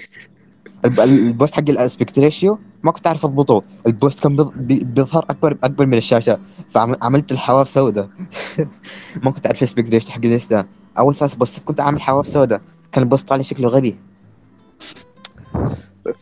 أنا كان في فقرة أسويها بدايتي اللي الشخصية اللي أسوي لها يكون مثلا تسع سلايدات معلومات وال slide الأخير يكون آه، حوار للشخصية حوار فخم. مثلا post دارك سايد في حوار له وهو يقول لسوبرمان أنت بتقعد تحت رجلي. آه، post ثور يقول صورة لأودن وهو يقول ترى شو اسمه؟ أنت ما تركز على مطرقتك أنت قوتك في قوتك مو في المطرقة. أحمد شوف أنتوا الحين تكلمتوا على ذكرى التأثير الكبير اللي ذكرتوه تو آه، لبعض الحسابات. آه، تقريبا كلنا إن شاء الله بيكون لنا تأثير يعني كوميكس جيت قاعد يحركون المجال أكثر. آه، أنا إن شاء الله يعني بكبر الموضوع أكثر اللي عندي comic وقناة يوتيوب إن شاء الله بيكبر الموضوع أكثر. آه، شو اسمه هذا؟ تقو أحمد إن شاء الله بيكبر في مجال التصميم ويصير مطلوب أكثر من بين الناس وإلى آخره. إي ف أحسن شيء انه من ال comic كان مبني على المشاكل. حرفيا أنا ال post اللي شهرني كان ب... كان post آه واندا post واندا. لا. كان كان, كان داخل يسوي مشاكل بس. ما كنت مهتم بالمحتوى. كنت مهتم باني أجيب تعليقات فيها مشاكل بس. أنا أنا عكسك تماما. كنت مهتم أجيب محتوى بس جبت مشاكل. يعني الحين صرت ابعد من المشاكل. صرت ابعد من المشاكل وانشر المحتوى. اي اي أنا بعد. ال arc حقك. شيء. يمكن الناس حتى الحين ناس ما يدرون انك انت سويت post واندا فا إيه البوست حرفيا لأنه حرفيا من شهر وا... شهر واحد إلى شهر ثمانية ما ما ممكن زيد بس 10 متابعين بس بسبب بوست واندا شوف أنا أقول لك عندك اسوء اعمال سوبر هيروز هذا البوست بعد زينك يعني قاعد ادخل التعليقات لا لا ما كان اعرفهم قاعد ما, لا شوف الكومنتات كلها سب كلها سب الكومنتات كنت معصب شوية كنت ادخل التعليقات اسب بس واندا ما كنت اسيب كنت أجيب كنت أجيب أخوياي يسيبوا في التعليقات. عليهم. أيوه. إيه أما فا... البوست حق اسوء عمل كنت داخل صار يعني صار صار مرة تطور الحمد لله في محتوى الكوميكس العربي. خاصة كل فترة الحين بنفتح حسابات كثيرة مرة. يعني شوف لا لا بعيدا عن الحين أنا فرحان من في التيك توك يعني لف لف بعيدا عن الأجانب. يعني يعني عندك زي سوب زي هذا. لا لا بعيدا عنهم. شوف آه عندك آه سبرب كوزميك في تويتر عندك آه، زي سبايدي زي يوسف. في الانستغرام عندك إحنا عندك آه، رويس عندك آه، ارسك في المواقع عندك بس اللي شيء يستفزني حاليا منه حقنا ال MCU إيش فيهم؟ إيش فيهم؟ بيجيب بيجيب الدعم أكثر من ال... من حق الكوميكس مع إنه حق الكوميكس بيتعبوا. صعب تلقى معلومات كوميكس أما ال MCU تقدر تنزل أي شيء تجيب دعم. إي لا لا خلي خليك من ذا الموضوع. آه ترى حقين MCU بالعكس نستفيد إحنا حقين الكوميكس منهم. إحنا ندخلهم يعني انت الحين لو تلاحظ في بوستات لا ما نستفيد حقين الكوميكس حقين ال comics toxic toxic ضد ال MCU وال DC لا أنا أنا عن نفسي في البداية كنت اي toxic لكن الحين لا أصلا لو تركز في حسابي كل البوستات اللي انزلها إما تعريف شخصية أو اقتراح كوميكس آه كيف تقرأ مثلا comics Daredevil يعني ال post تو توني منزل اليوم.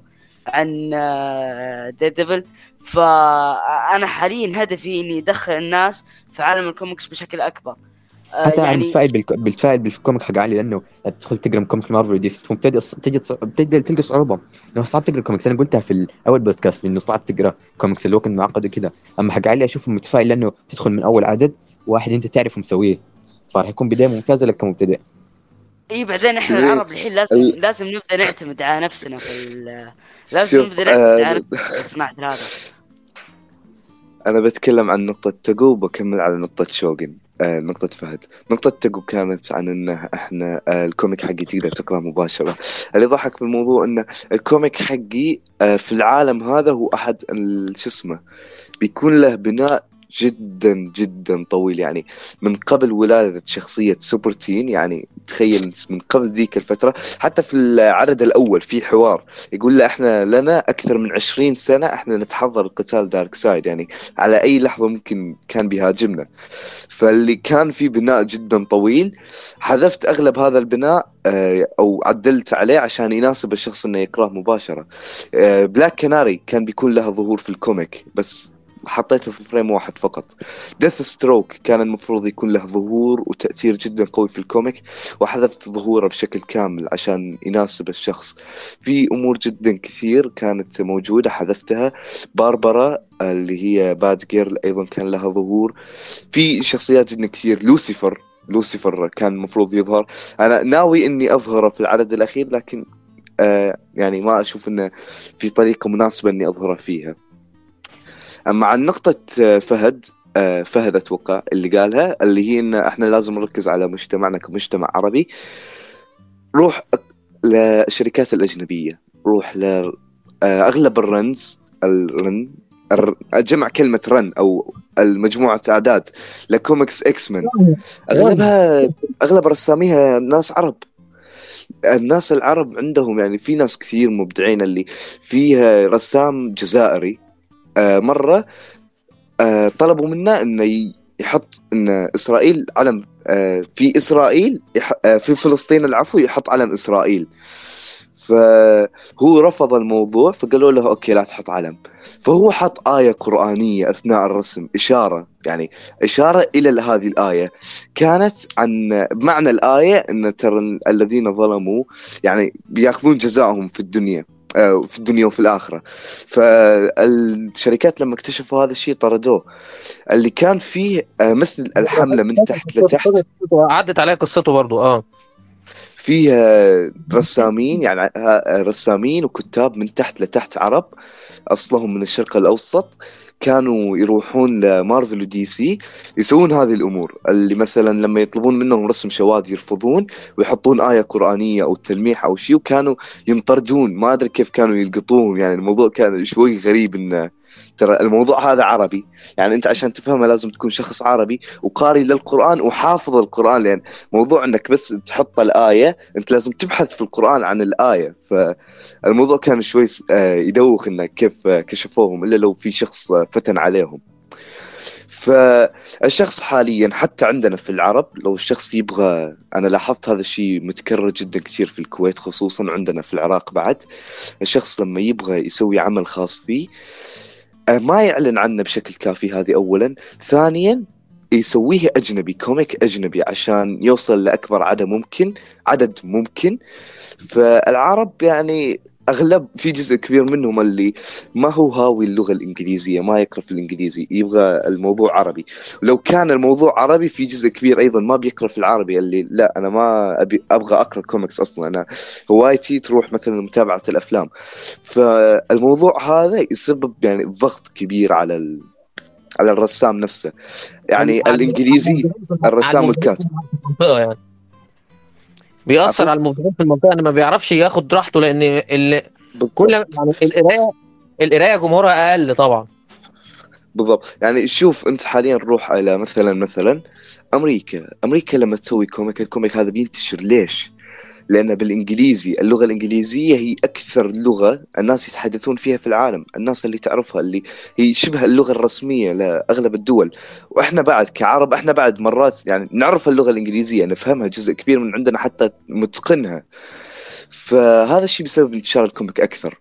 فالعربي لما يجي يسوي ال comic حقه باللغة العربية اللي هو مثلا خلينا نقول على ضمان يعني افتراضا للعدد نفترض إن العدد هو 100 مليون هو 314 مليون تقريبا لكن نفترض إنه 100 مليون تسهيلا للحسابات من ال 100 مليون هذول كم شخص منهم يقرأ عربي يقرأ كوميكس أساسا؟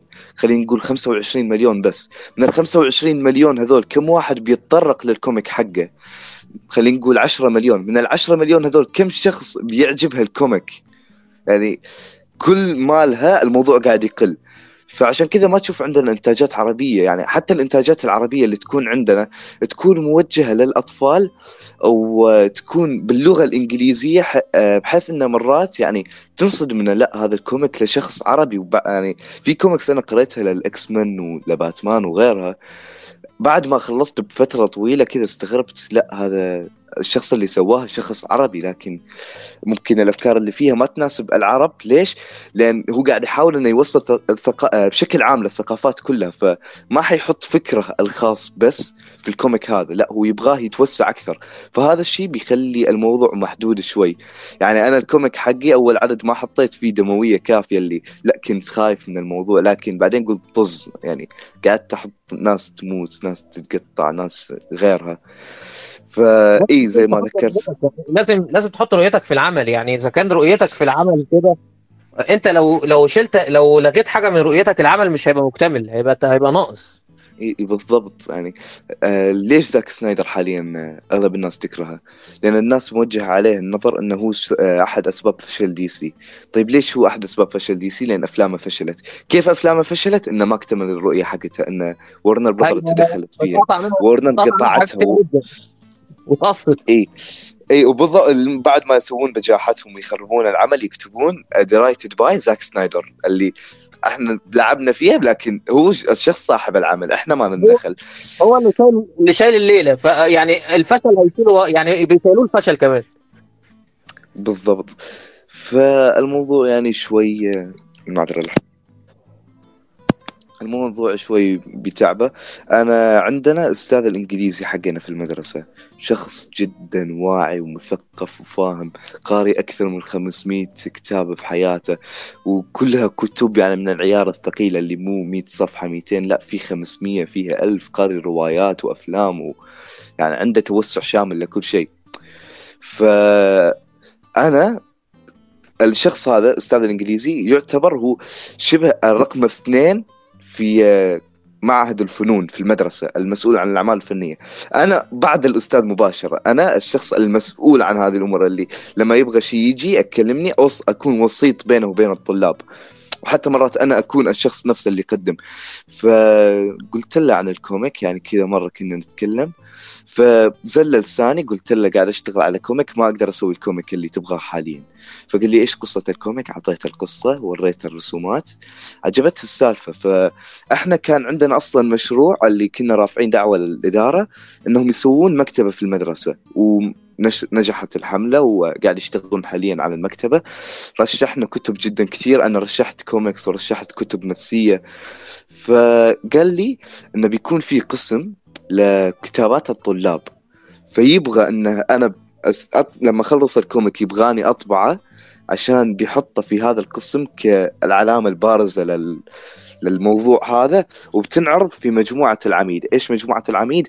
هي أكبر مجموعة مدارس في محافظتنا. يعني حتى في الجهة الجنوبية من العراق تعتبر هي تقريبا أكبر مجموعة مدارس. بتكون فيها معارض كتاب ومسابقات كل سنة فإن شاء الله بكون مشارك بالكوميك هذا وفي الكتاب النفسي اللي أعلنت عنه بالإنستغرام. آه طبعا آه شو اسمه؟ صراحة شوف أتفق معك بحكم آه إن ممكن إنك كنت كنت خايف لهذا لأن أصلا حتى عندنا في المجتمع العربي أي عمل ما يمشي على قوانيننا يعني تفتح تويتر تشوف متكسر يعني عندنا هذا نقول متكسر ومجاديف في العمل. يعني يجيك واحد يسفل في العمل ويطلع المشاكل كذا أبسط مشكلة يدقق فيها. إذا كان ليش؟ يقول بالضبط والله هذا الشيء يعني يخبر. أنا آه، في المدرسة مثلا عندي نبرة صوتي مرات المدرسين يخلوني أقرأ آه، نصوص جدا كثير اللي مرات حتى أنا كنت مسؤول في جت فترة طويلة أيام ما كانت فيها الإذاعة الصباحية قبل ما يكنسلوها كنت أنا أحد الأشخاص اللي يتكلمون فيها أو كنت الواجهة الرئيسية لها. فكنت دائما يعني لما أرجع للصف أو أي مكان كنت أسمع الطلاب وهم يذبون علي لكن من تحت لتحت اللي يحاولون يمدحون لكن بطريقة تستفز. فالموضوع هذا كان يعني شكل آه زي الحاجز لي. حاجز في طريقي. اللي أنا الدبلجة اعتزلت أنا بادي في الدبلجة من 2016 فمن 2016 إلى الآن أكبر مدة اعتزلت فيها كانت آه، سبعة شهور تقريبا سبعة شهور وشوي. قناة اليوتيوب كان عندي قناة يوتيوب أيضا في ذيك الفترة. اعتزلتها سنة كاملة ما نزلت فيها أي شيء. آه حتى الحين يعني موضوع الكوميكس أنا تركته فترة طويلة لأن. كنت آه، أجيب كوميكس معاي كنت أرسم الكوميكس في المدرسة وغيرها وكانوا هذا آه، كنت الواجهة للطقطقة في المدرسة اللي كان يجي واحد يشقهم بدون سبب يشق الأوراق اللي كنت أرسم فيها فالموضوع كان حاجز بالنسبة لي اللي يخوفني من التكملة فهذا أحد الأسباب أيضا اللي ممكن تخلي الشخص يخاف إنه يكمل مشواره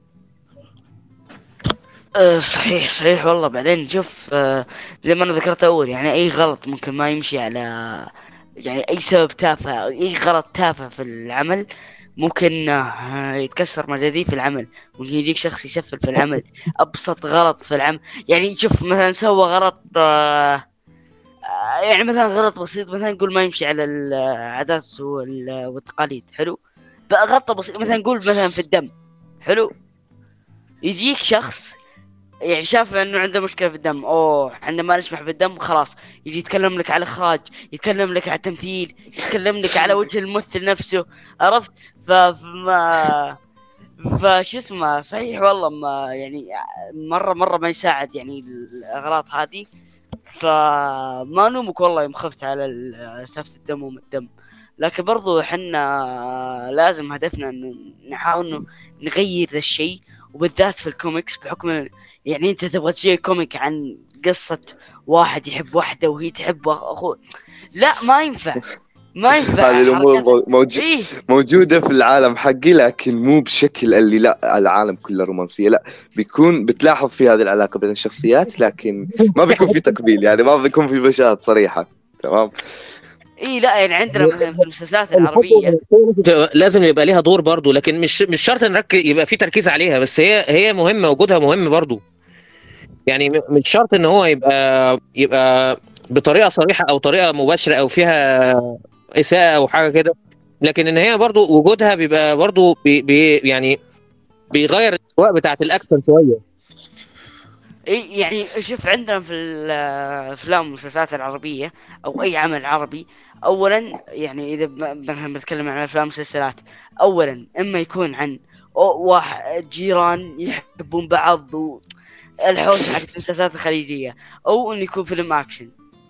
بس. شوف آه عندك عندك شو اسمه؟ بخصوص ال comic حقي أنا لما كنت أثناء كتابتي للعالم يعني قلت لكم القصة إني حتى ما كنت ناوي أنشرها أصلا ما كنت ناوي أعلم أحد عنها يعني ممكن بس الناس اللي مرة قريبة حتى وقت كتابتي يعني كنت متخوف من موضوع. الهجوم اللي ممكن يجي ممكن يجي لو صار عالم سينمائي. فاللي هو حرفيا استفسرت من مشايخ ومراجع من السنة واشياء حتى المسيح. أنت متخيل سألت ناس من المسيح عن الموضوع هذا؟ موضوع ذكر كلمة إله لكن في قصة خيالية بدون المقصد إلى عباده هذه الشخصية بحياتنا الواقعية أو إخبار الناس بعبادتها. يعني أعطيتهم التفاصيل إن لا هذه الشخصية في عالم هذا. فقالوا عادي يعني ما فيها أي مشكلة.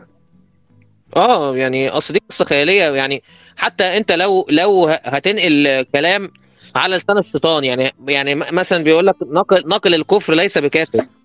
فهو فهي دي قصة خيالية. يعني قصة خيالية. ما له دخل. لا نقل الكفر ليس بكافر ما له دخل اللي أنت قاعد تنقل قصة خيالية مو كفر. ما هو مش كفر ما أنا بقول لك هي قصة خيالية. أنا بقول لك حتى يعني حتى لو, لو حتى في الترجمة يعني لو هتترجم عمل فيه حاجة خيالية ممكن تبقى في تبقى كفرية أو كده أنت في النهاية دي قصة خيالية قصة خيالية و... و... وحتى لو لو الكلام نفسه ممكن يبقى حرام لكن هو على لسان الشخصية الخيالية مش مش يعني مش على مش مش الهدف إن أنت تخلي الناس تؤمن بالكلام ده يعني. بالضبط يعني هي هذه الفكرة اللي أنا سألت عنها واللي أنا كنت ترى بحط حط تنبيهات في بداية العدد اللي شو اسمه آه كذا بأول ص... آه بعد صورة الغلاف صورة ال poster بيكون في صورة أن ال comic هذا قصة خيالية وليس الغرض منها أن جلب أشخاص لعبارة شيء أو لا إله إلا الله يعني اللي هو دفاع عن النفس قبل الهجوم. وأنا متأكد إن حتى لو نشرتها قبل الدفاع عن النفس آه، دفاع عن النفس قبل الهجوم بتهاجم على نفس السبب اللي يعني اللي أنا يعني نبهت عنه قلت لا ترى هذه النقطه كذا وكذا لا. تلفت الناس لحاجة زي كده ممكن آه. والله أنا أعرف ناس أقسم بالله انه حتى لو توضح لهم الفكرة حتى بعد توضيحكم للفكرة هذه اللي بيسوي نفسه إنه لا ما فهم الفكرة وبيهاجمك عليها.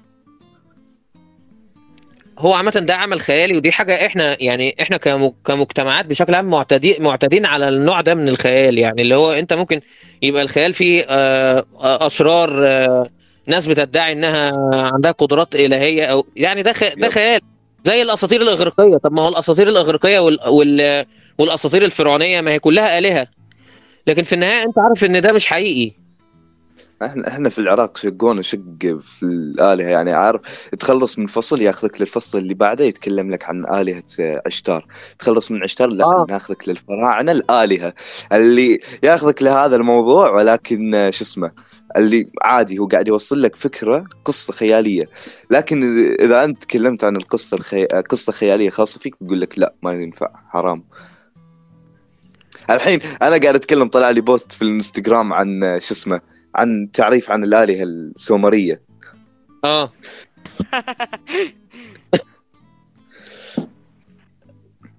آه، تمام. آه، شباب عندكم آه، نقاط أخرى؟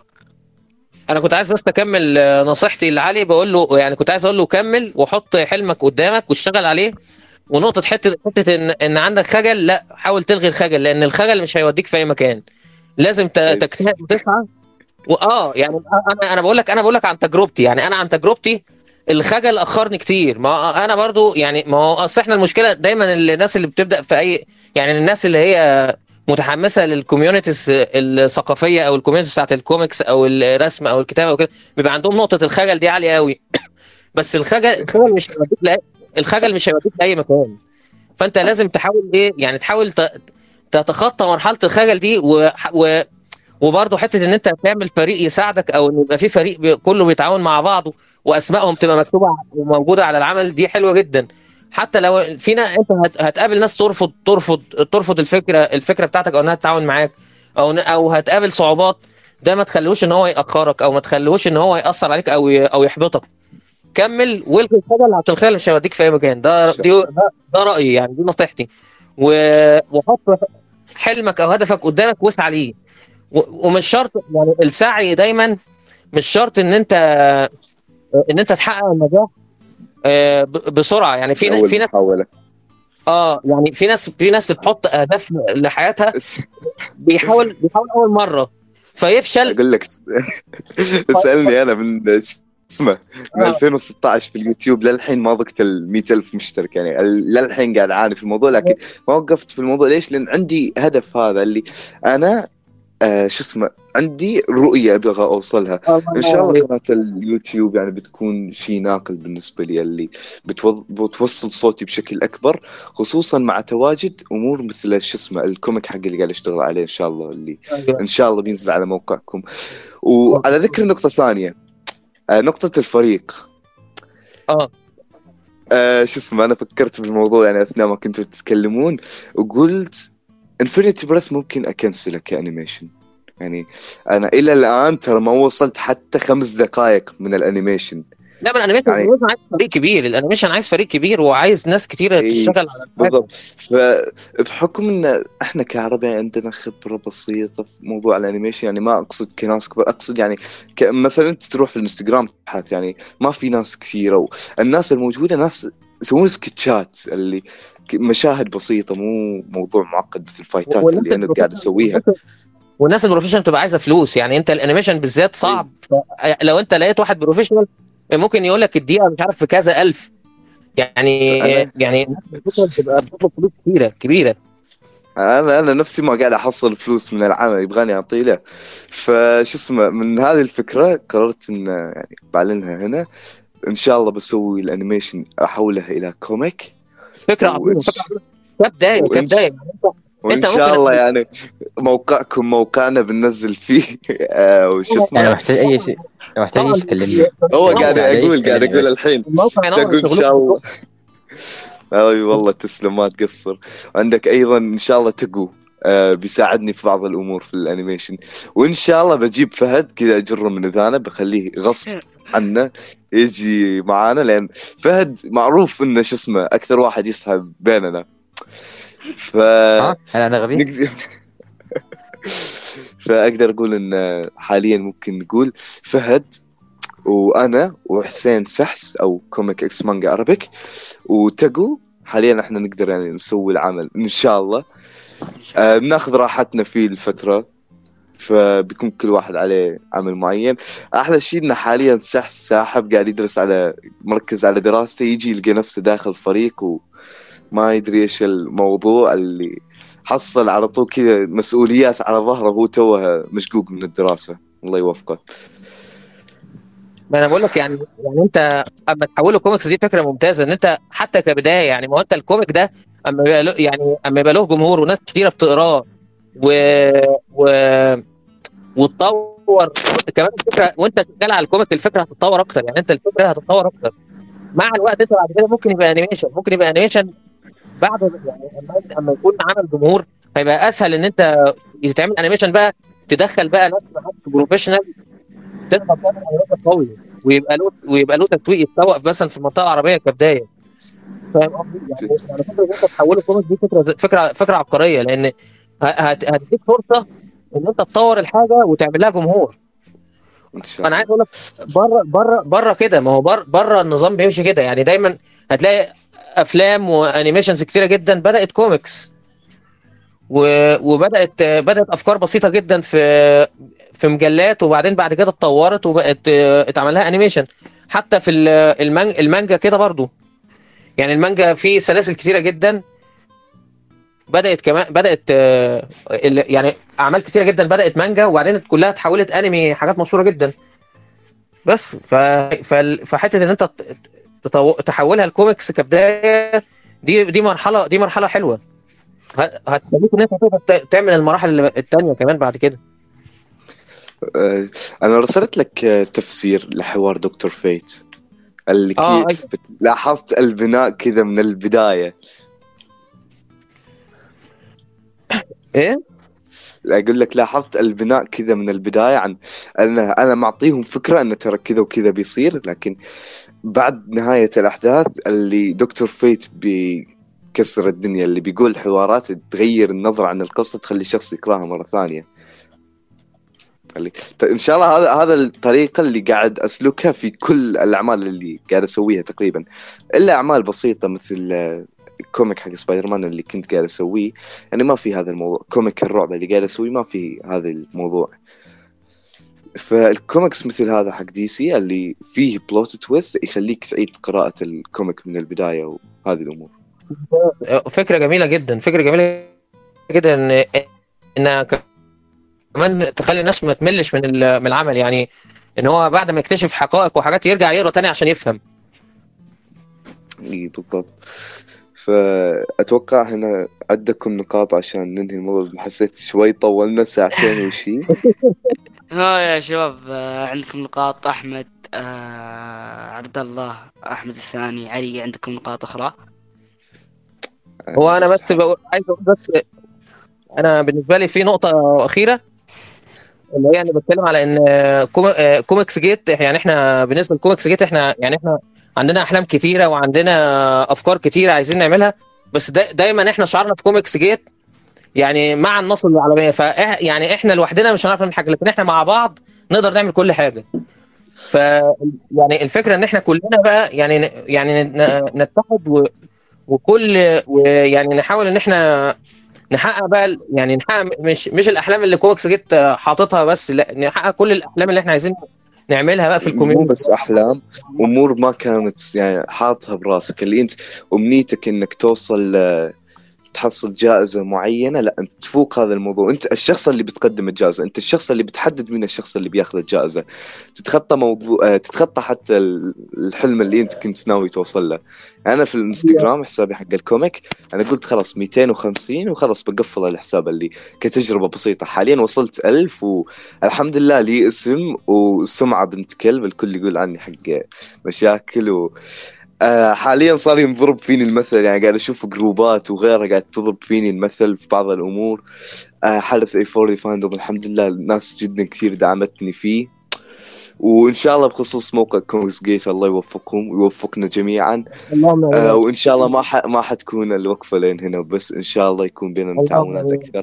إن شاء الله قريبا نكون جزء من هذا المشروع الكبير. اللهم آمين. و- و- ومع النصر للعالمية وفعلا زي ما أنت قلت كلنا نعلي سقف أحلامنا وكلنا مع بعض هنقدر نحقق اللي إحنا عايزينه زيادة. يعني إحنا مع بعض ولما نتعاون كلنا مع بعض هن- هننمي هننمي أفكارنا أكتر وهننمي الكوميونتي كله مع بعض. يعني يعني حتة نقطة إن كل واحد يشتغل لوحده دي دي أكبر غلط. يعني في ناس بتبقى غاوية إن هي إيه منغلقة على نفسها هو ممكن يكون عنده إمكانيات ومهارات وخبرات بس هو منغلق على نفسه. مش عايز يتعاون مع حد مش عايز يساعد حد مش عايز يشارك في مشاريع حد. هي متى تكون غلط؟ تكون غلط لما الشخص ما يكون آه لما الشخص يعرف أحد يقدر يساعده لكن ما يطلب منه المساعدة. الله عليك. في ناس تكون غلط. في ناس كده كتير منغلقه على نفسها. هو مش عايز ي... مش عايز يتعاون مع حد مش عايز إن إن هو يدخل في مشاريع.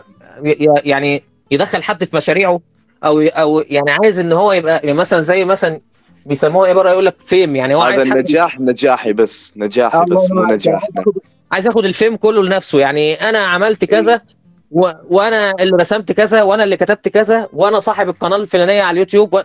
لكن أنت ما... ده أكبر غلط لأن أنت مهما مهما كبرت أنت برضه هتفضل صغير لأن الت- التع... تعاوننا مع بعض تعاوننا مع بعض هيكبرنا كلنا. بالضبط. أنت العد أنت ال- شو اسمه أنت العدو الأكبر لفكرة الراسماليه اللي ال- شو اسمه أحمد ربك إنك مو على وقت الاتحاد السوفيتي. أضف إلى ذلك آه، أنت بتلاحظ شيء اللي ذكرته قبل شوي. أنا مو شخص منعزل لكن الناس اللي أطلب منهم يعني ناس يكونون آه ناس معروفين في مج... مع في مجالهم وناس حتى مو معروفين. فلما أروح أطلب أغلبهم اللي يشحتني ويطردني. لكن ما وقفت على الموضوع ملحمه دارك كرايسيس دي كنت أقدر أسويها لحالي. اللي هو خلاص أشرحها وخلاص. ليش لازم إني أجيب ناس معاي وذا الكلام. لكن هذا الشيء بيزيد من جوده العمل. بيزيد من شهرة العمل. فبيكون فخر لي إني مثلا أشتغل مع ناس مثل ترافيك رو وهاس دب وخوي أحمد والشلة هذول. وحتى موضوع. كوميكس جيت أنا ليش آه ذكرت انها ال- قاعد أشتغل على موقع؟ صحيح إن الموقع بيطول حاليا لكن ليش أنا آه بكنسل فكرة الموقع للمعلومية؟ لأن الموضوع شوي بياخذ وقت ففي الوقت الحالي بخليها لوقت لاحق لوقت بعدين. ففكره الموقع حقي ليش أنا جيت لأحمد إن أطلب منه بدل ما أروح أنشرها في موقعي وخلاص تكون حصرية هناك وبس. لأن حاليا أحمد يعني عجبته القصة عجبته الموضوع هذا. فهنا بيكون فيها أنا عرفت شخص مثل أحمد عرفت إنه شخص محترم شخص فاهم شخص ما شاء الله يعني عنده هذه القصة اللي ما أتوقع فينا أحد يعني آه، وصل لنجاح بدون صعوبات. إلا لو يكون في شخص وصل لنجاح بدون صعوبات هذا لسه ما وصل لنجاح لأن ما في نجاح بدون أي صعوبات. لازم لازم يبقى في صعوبات ولازم يبقى في م- مثابره يعني الواحد حتى لو وقعت تقوم وتكمل لازم. بالضبط. فإن شاء الله التوفيق لنا جميعا. الله يوفق تقول أدهم وفهد وأحمد و... وأنا. آمين يا رب. اللهم آه. إحنا ما يعني أنا يعني أنت لما تقدم العمل عندي أنا هشتغل على إن أنا اشهره أكتر وأعرف ناس أكتر بيه وأطوره. ولو قدرت كمان إن أنا يعني حتى كمان إنه يتنشر ورقي أنا مش يعني أنا مش هتأخر. ف... فدايما التعاون أنا في, دايماً- في ناس كثير متحمسة لموضوع النشر الورقي يعني من متابعيني اللي كثير مرة كثير سألوني متى بتنشر ورقي. اصرفهم ان إن شاء الله قريب إن شاء الله كذا. آه يمكن بعدين خمس أيام اللي أعطيهم رد اللي في نسبة من الناس في نسبة من الناس ما بتعرفش تقرا ديجيتال.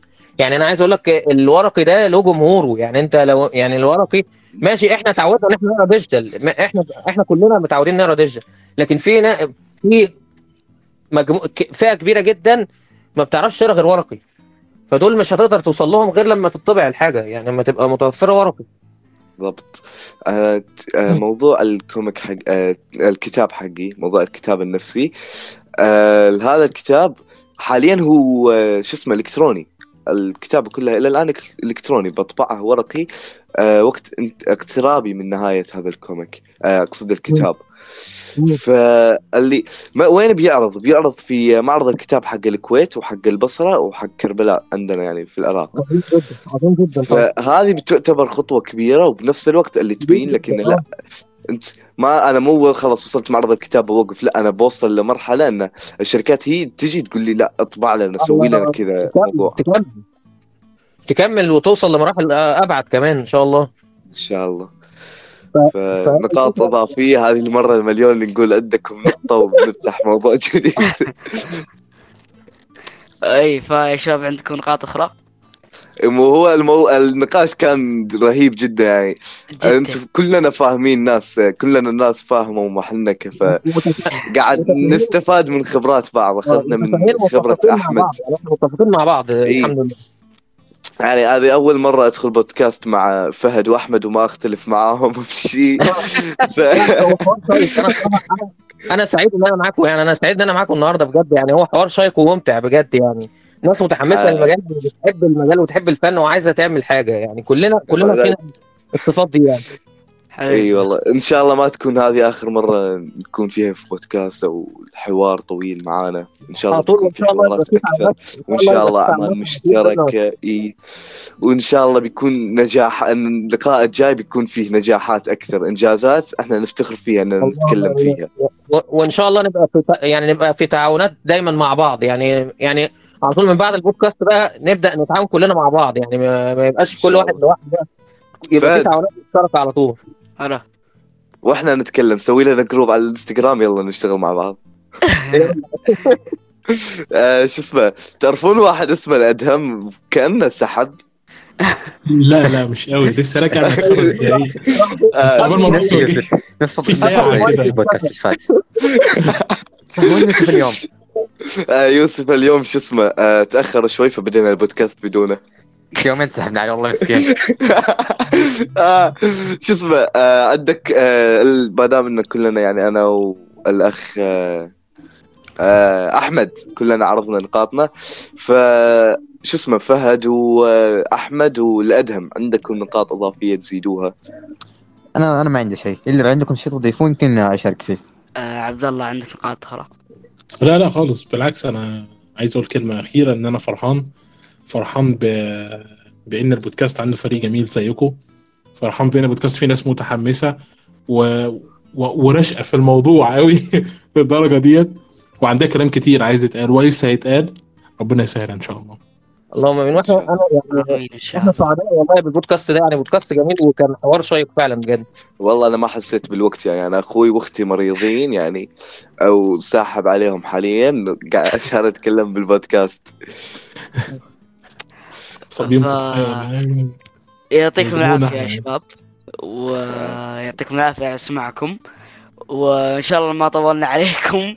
و والله ما بيحسون بالوقت ترى بيستمتعون يعني. أنا أكد لك في الموضوع هذا. ان شاء الله إن شاء الله. أي شخص ما يستمتع هذا عدو نجاح. كان حوار شيق وممتع يعني. جدا جدا يعني. والله. وحتى- واستمتعت استم- حتى لو حد. لو حد سمعنا كمان هيبقى هيستفاد يعني. المواضيع تسحب بعضها اللي مهما تكلمنا ما ما بنخلص. يعني إحنا أنا لو والله لو أنا ما قلت يلا خلينا شو اسمه هذه آخر مرة كان فتحنا موضوع جديد. يعني أنا فتحت أفق جديدة أكثر من باب كنا نقدر نتكلم. إن شاء الله هذه قريب بودكا... فكرة بودكاست آه، نقدر نسويها بعد كم شهر. اللي هي الكوميكس الورقية طباعة الكوميكس الورقيه نقدر نجيب الأخ آه، شو اسمه؟ الأخ أحمد معانا وقتها وإن شاء الله أنا كوميكي بطبعه وإن شاء الله آه، آه، بيكون في متجر المدرسة في مكتبة المدرسة.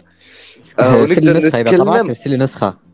أبشر. أنا خليني أطبع أول يعني أنا أنا اعتمادي حاليا الكلي على أحمد. إذا كان بيطبع أنا بشتري من عنده يعني ما بطبع. آه. بس يعني إيه ال- الأعداد القادمة لما يعني إيه تبقى يعني تتظ- هتتظبط أكتر يبقى ممكن يعني فرصة الطباعة عليها هتبقى أعلى طبعا. قصده يعني بال... بالمنطق كده لازم الاعداد تكون أحسن من العدد ال... ال zero اللي أنت هتنزله اليومين الجايين. يبقى لسه تجريبي. تجريبي. أنا أنا أقدر اكد لك أق- أقدر اكد لك كأحداث ال comic في تصاعد مو في انخفاض. نهائيا ما حينخفض ال comic آه، باستمراره للأحداث. يعني آه أول عدد اللي كان عدد تقديمي لك لازم الاحداث بلاك بانثر تصير. يتعلموا لازم مخرجين بلاك بانثر يتعلموا. يعني حرفيا اللي كذا. آه، التحر ال comic يعني كتصاعد أحداث كتصاعد حوارات. أه بتلاحظون شيء فيه يعني أنا الشيء هذا كله تقول لي إياه إنه ترى فيك فحبيت إني أنقله لل comic اللي الحوارات عبارة عن هياط كل شخصية تهايط على الثانية ولكن تهايط بشيء هي تقدر تسويه مو شيء هي ما تقدر تسويه. الشيء اللي بيخلي الشخص إنه يتحمس للعدد القادم إنه مثلا دارك سايد قال أنا بسوي كذا وكذا لهذول. عارفين إحنا مدى قوة دارك سايد يقدر يسوي كذا وكذا للشخصيات هذه. فلما الشخص يتحمس إلى التكملة بيشوف التضارب هذا إنه مثلا سوبرتين يقول لا أنا ترى أقدر إني أسوي كذا وكذا يقدر يستنتج الشخص هذا الشيء من خلال الحوارات. اللي لما يشوف القتال بيشوف التصادم إنه بالفعل أنا قست حرفيا أنا قست كل مستوى طاقة. كل حركة بسيطة من كقتال بين أي شخصية وشخصية قستها بالضبط آه، فين بتوصل مستوى هذه قوة هذه الشخصية. هو هو ده طبعا يا يا علي طبعا هو أي حد بيكتب بيبقى دايما عنده ال- الفكرة ديت وأنا عارف إنك ظابطها بشكل كويس لأنك حكيت لي على الفكرة كلها في الإنستجرام. لكن أنا عايز أنوهكم إن إحنا بنتكلم بقى ساعتين ونص وأكيد كلكم تعبانين. يعني. أنا عايز أشرب. والله ما حسيت بلوي. أنا صحيت من النوم لعبت game واحد Fort إلا واوصل يوصلني شعار ترى عندنا بودكاست قلت لكم دقائق وجي صرفت خويه وجيتكم على طول يعني. حتى اكل ترى لما كان الأخ يتكلم عن قصته كيف انه قصته في 2005 وهذه الأمور أنا كنت وقتها قاعد آكل يعني حتى أكل ما ماكل اللي رجعت من المدرسة كان عندي شغل الأرض. كان عندنا فعاليات عن الفنون وغيرها وكنت أنا المسؤول عنها. فالموضوع كان في تطور مستمر اللي ما كنت أقدر آخذ راحتي اليوم. اللي من التعب على طول رجعت نمت تقريبا خمس ساعات. صحيت من النوم جيت للبودكاست. والحمد لله بودكاست شيق. أبد يعني ماني ندمان ولا على ولا لحظة فيه على ولا جملة. والله دي حاجة أي تسعدنا والله استمتعنا الحمد لله ويلا يا حلو إخوان. حاليا نستأذنكم و حلو. آه، كده وصلنا. للنهاية. المفروض آه، الختام. الميكروفون مع شوكن فيعطيكم العافية يا شباب. آه والله والله يوفقكم يا أحمد وعلي. مرة مرة انبسطت اليوم آه، معكم. وإن شاء الله انكم انبسطتوا معنا. ويعطيكم العافية على استماعكم. إن شاء الله ما طولنا عليكم. ومع السلامة وعليكم السلام ورحمة الله وبركاته. مع السلامة. سلام bye bye. باي باي.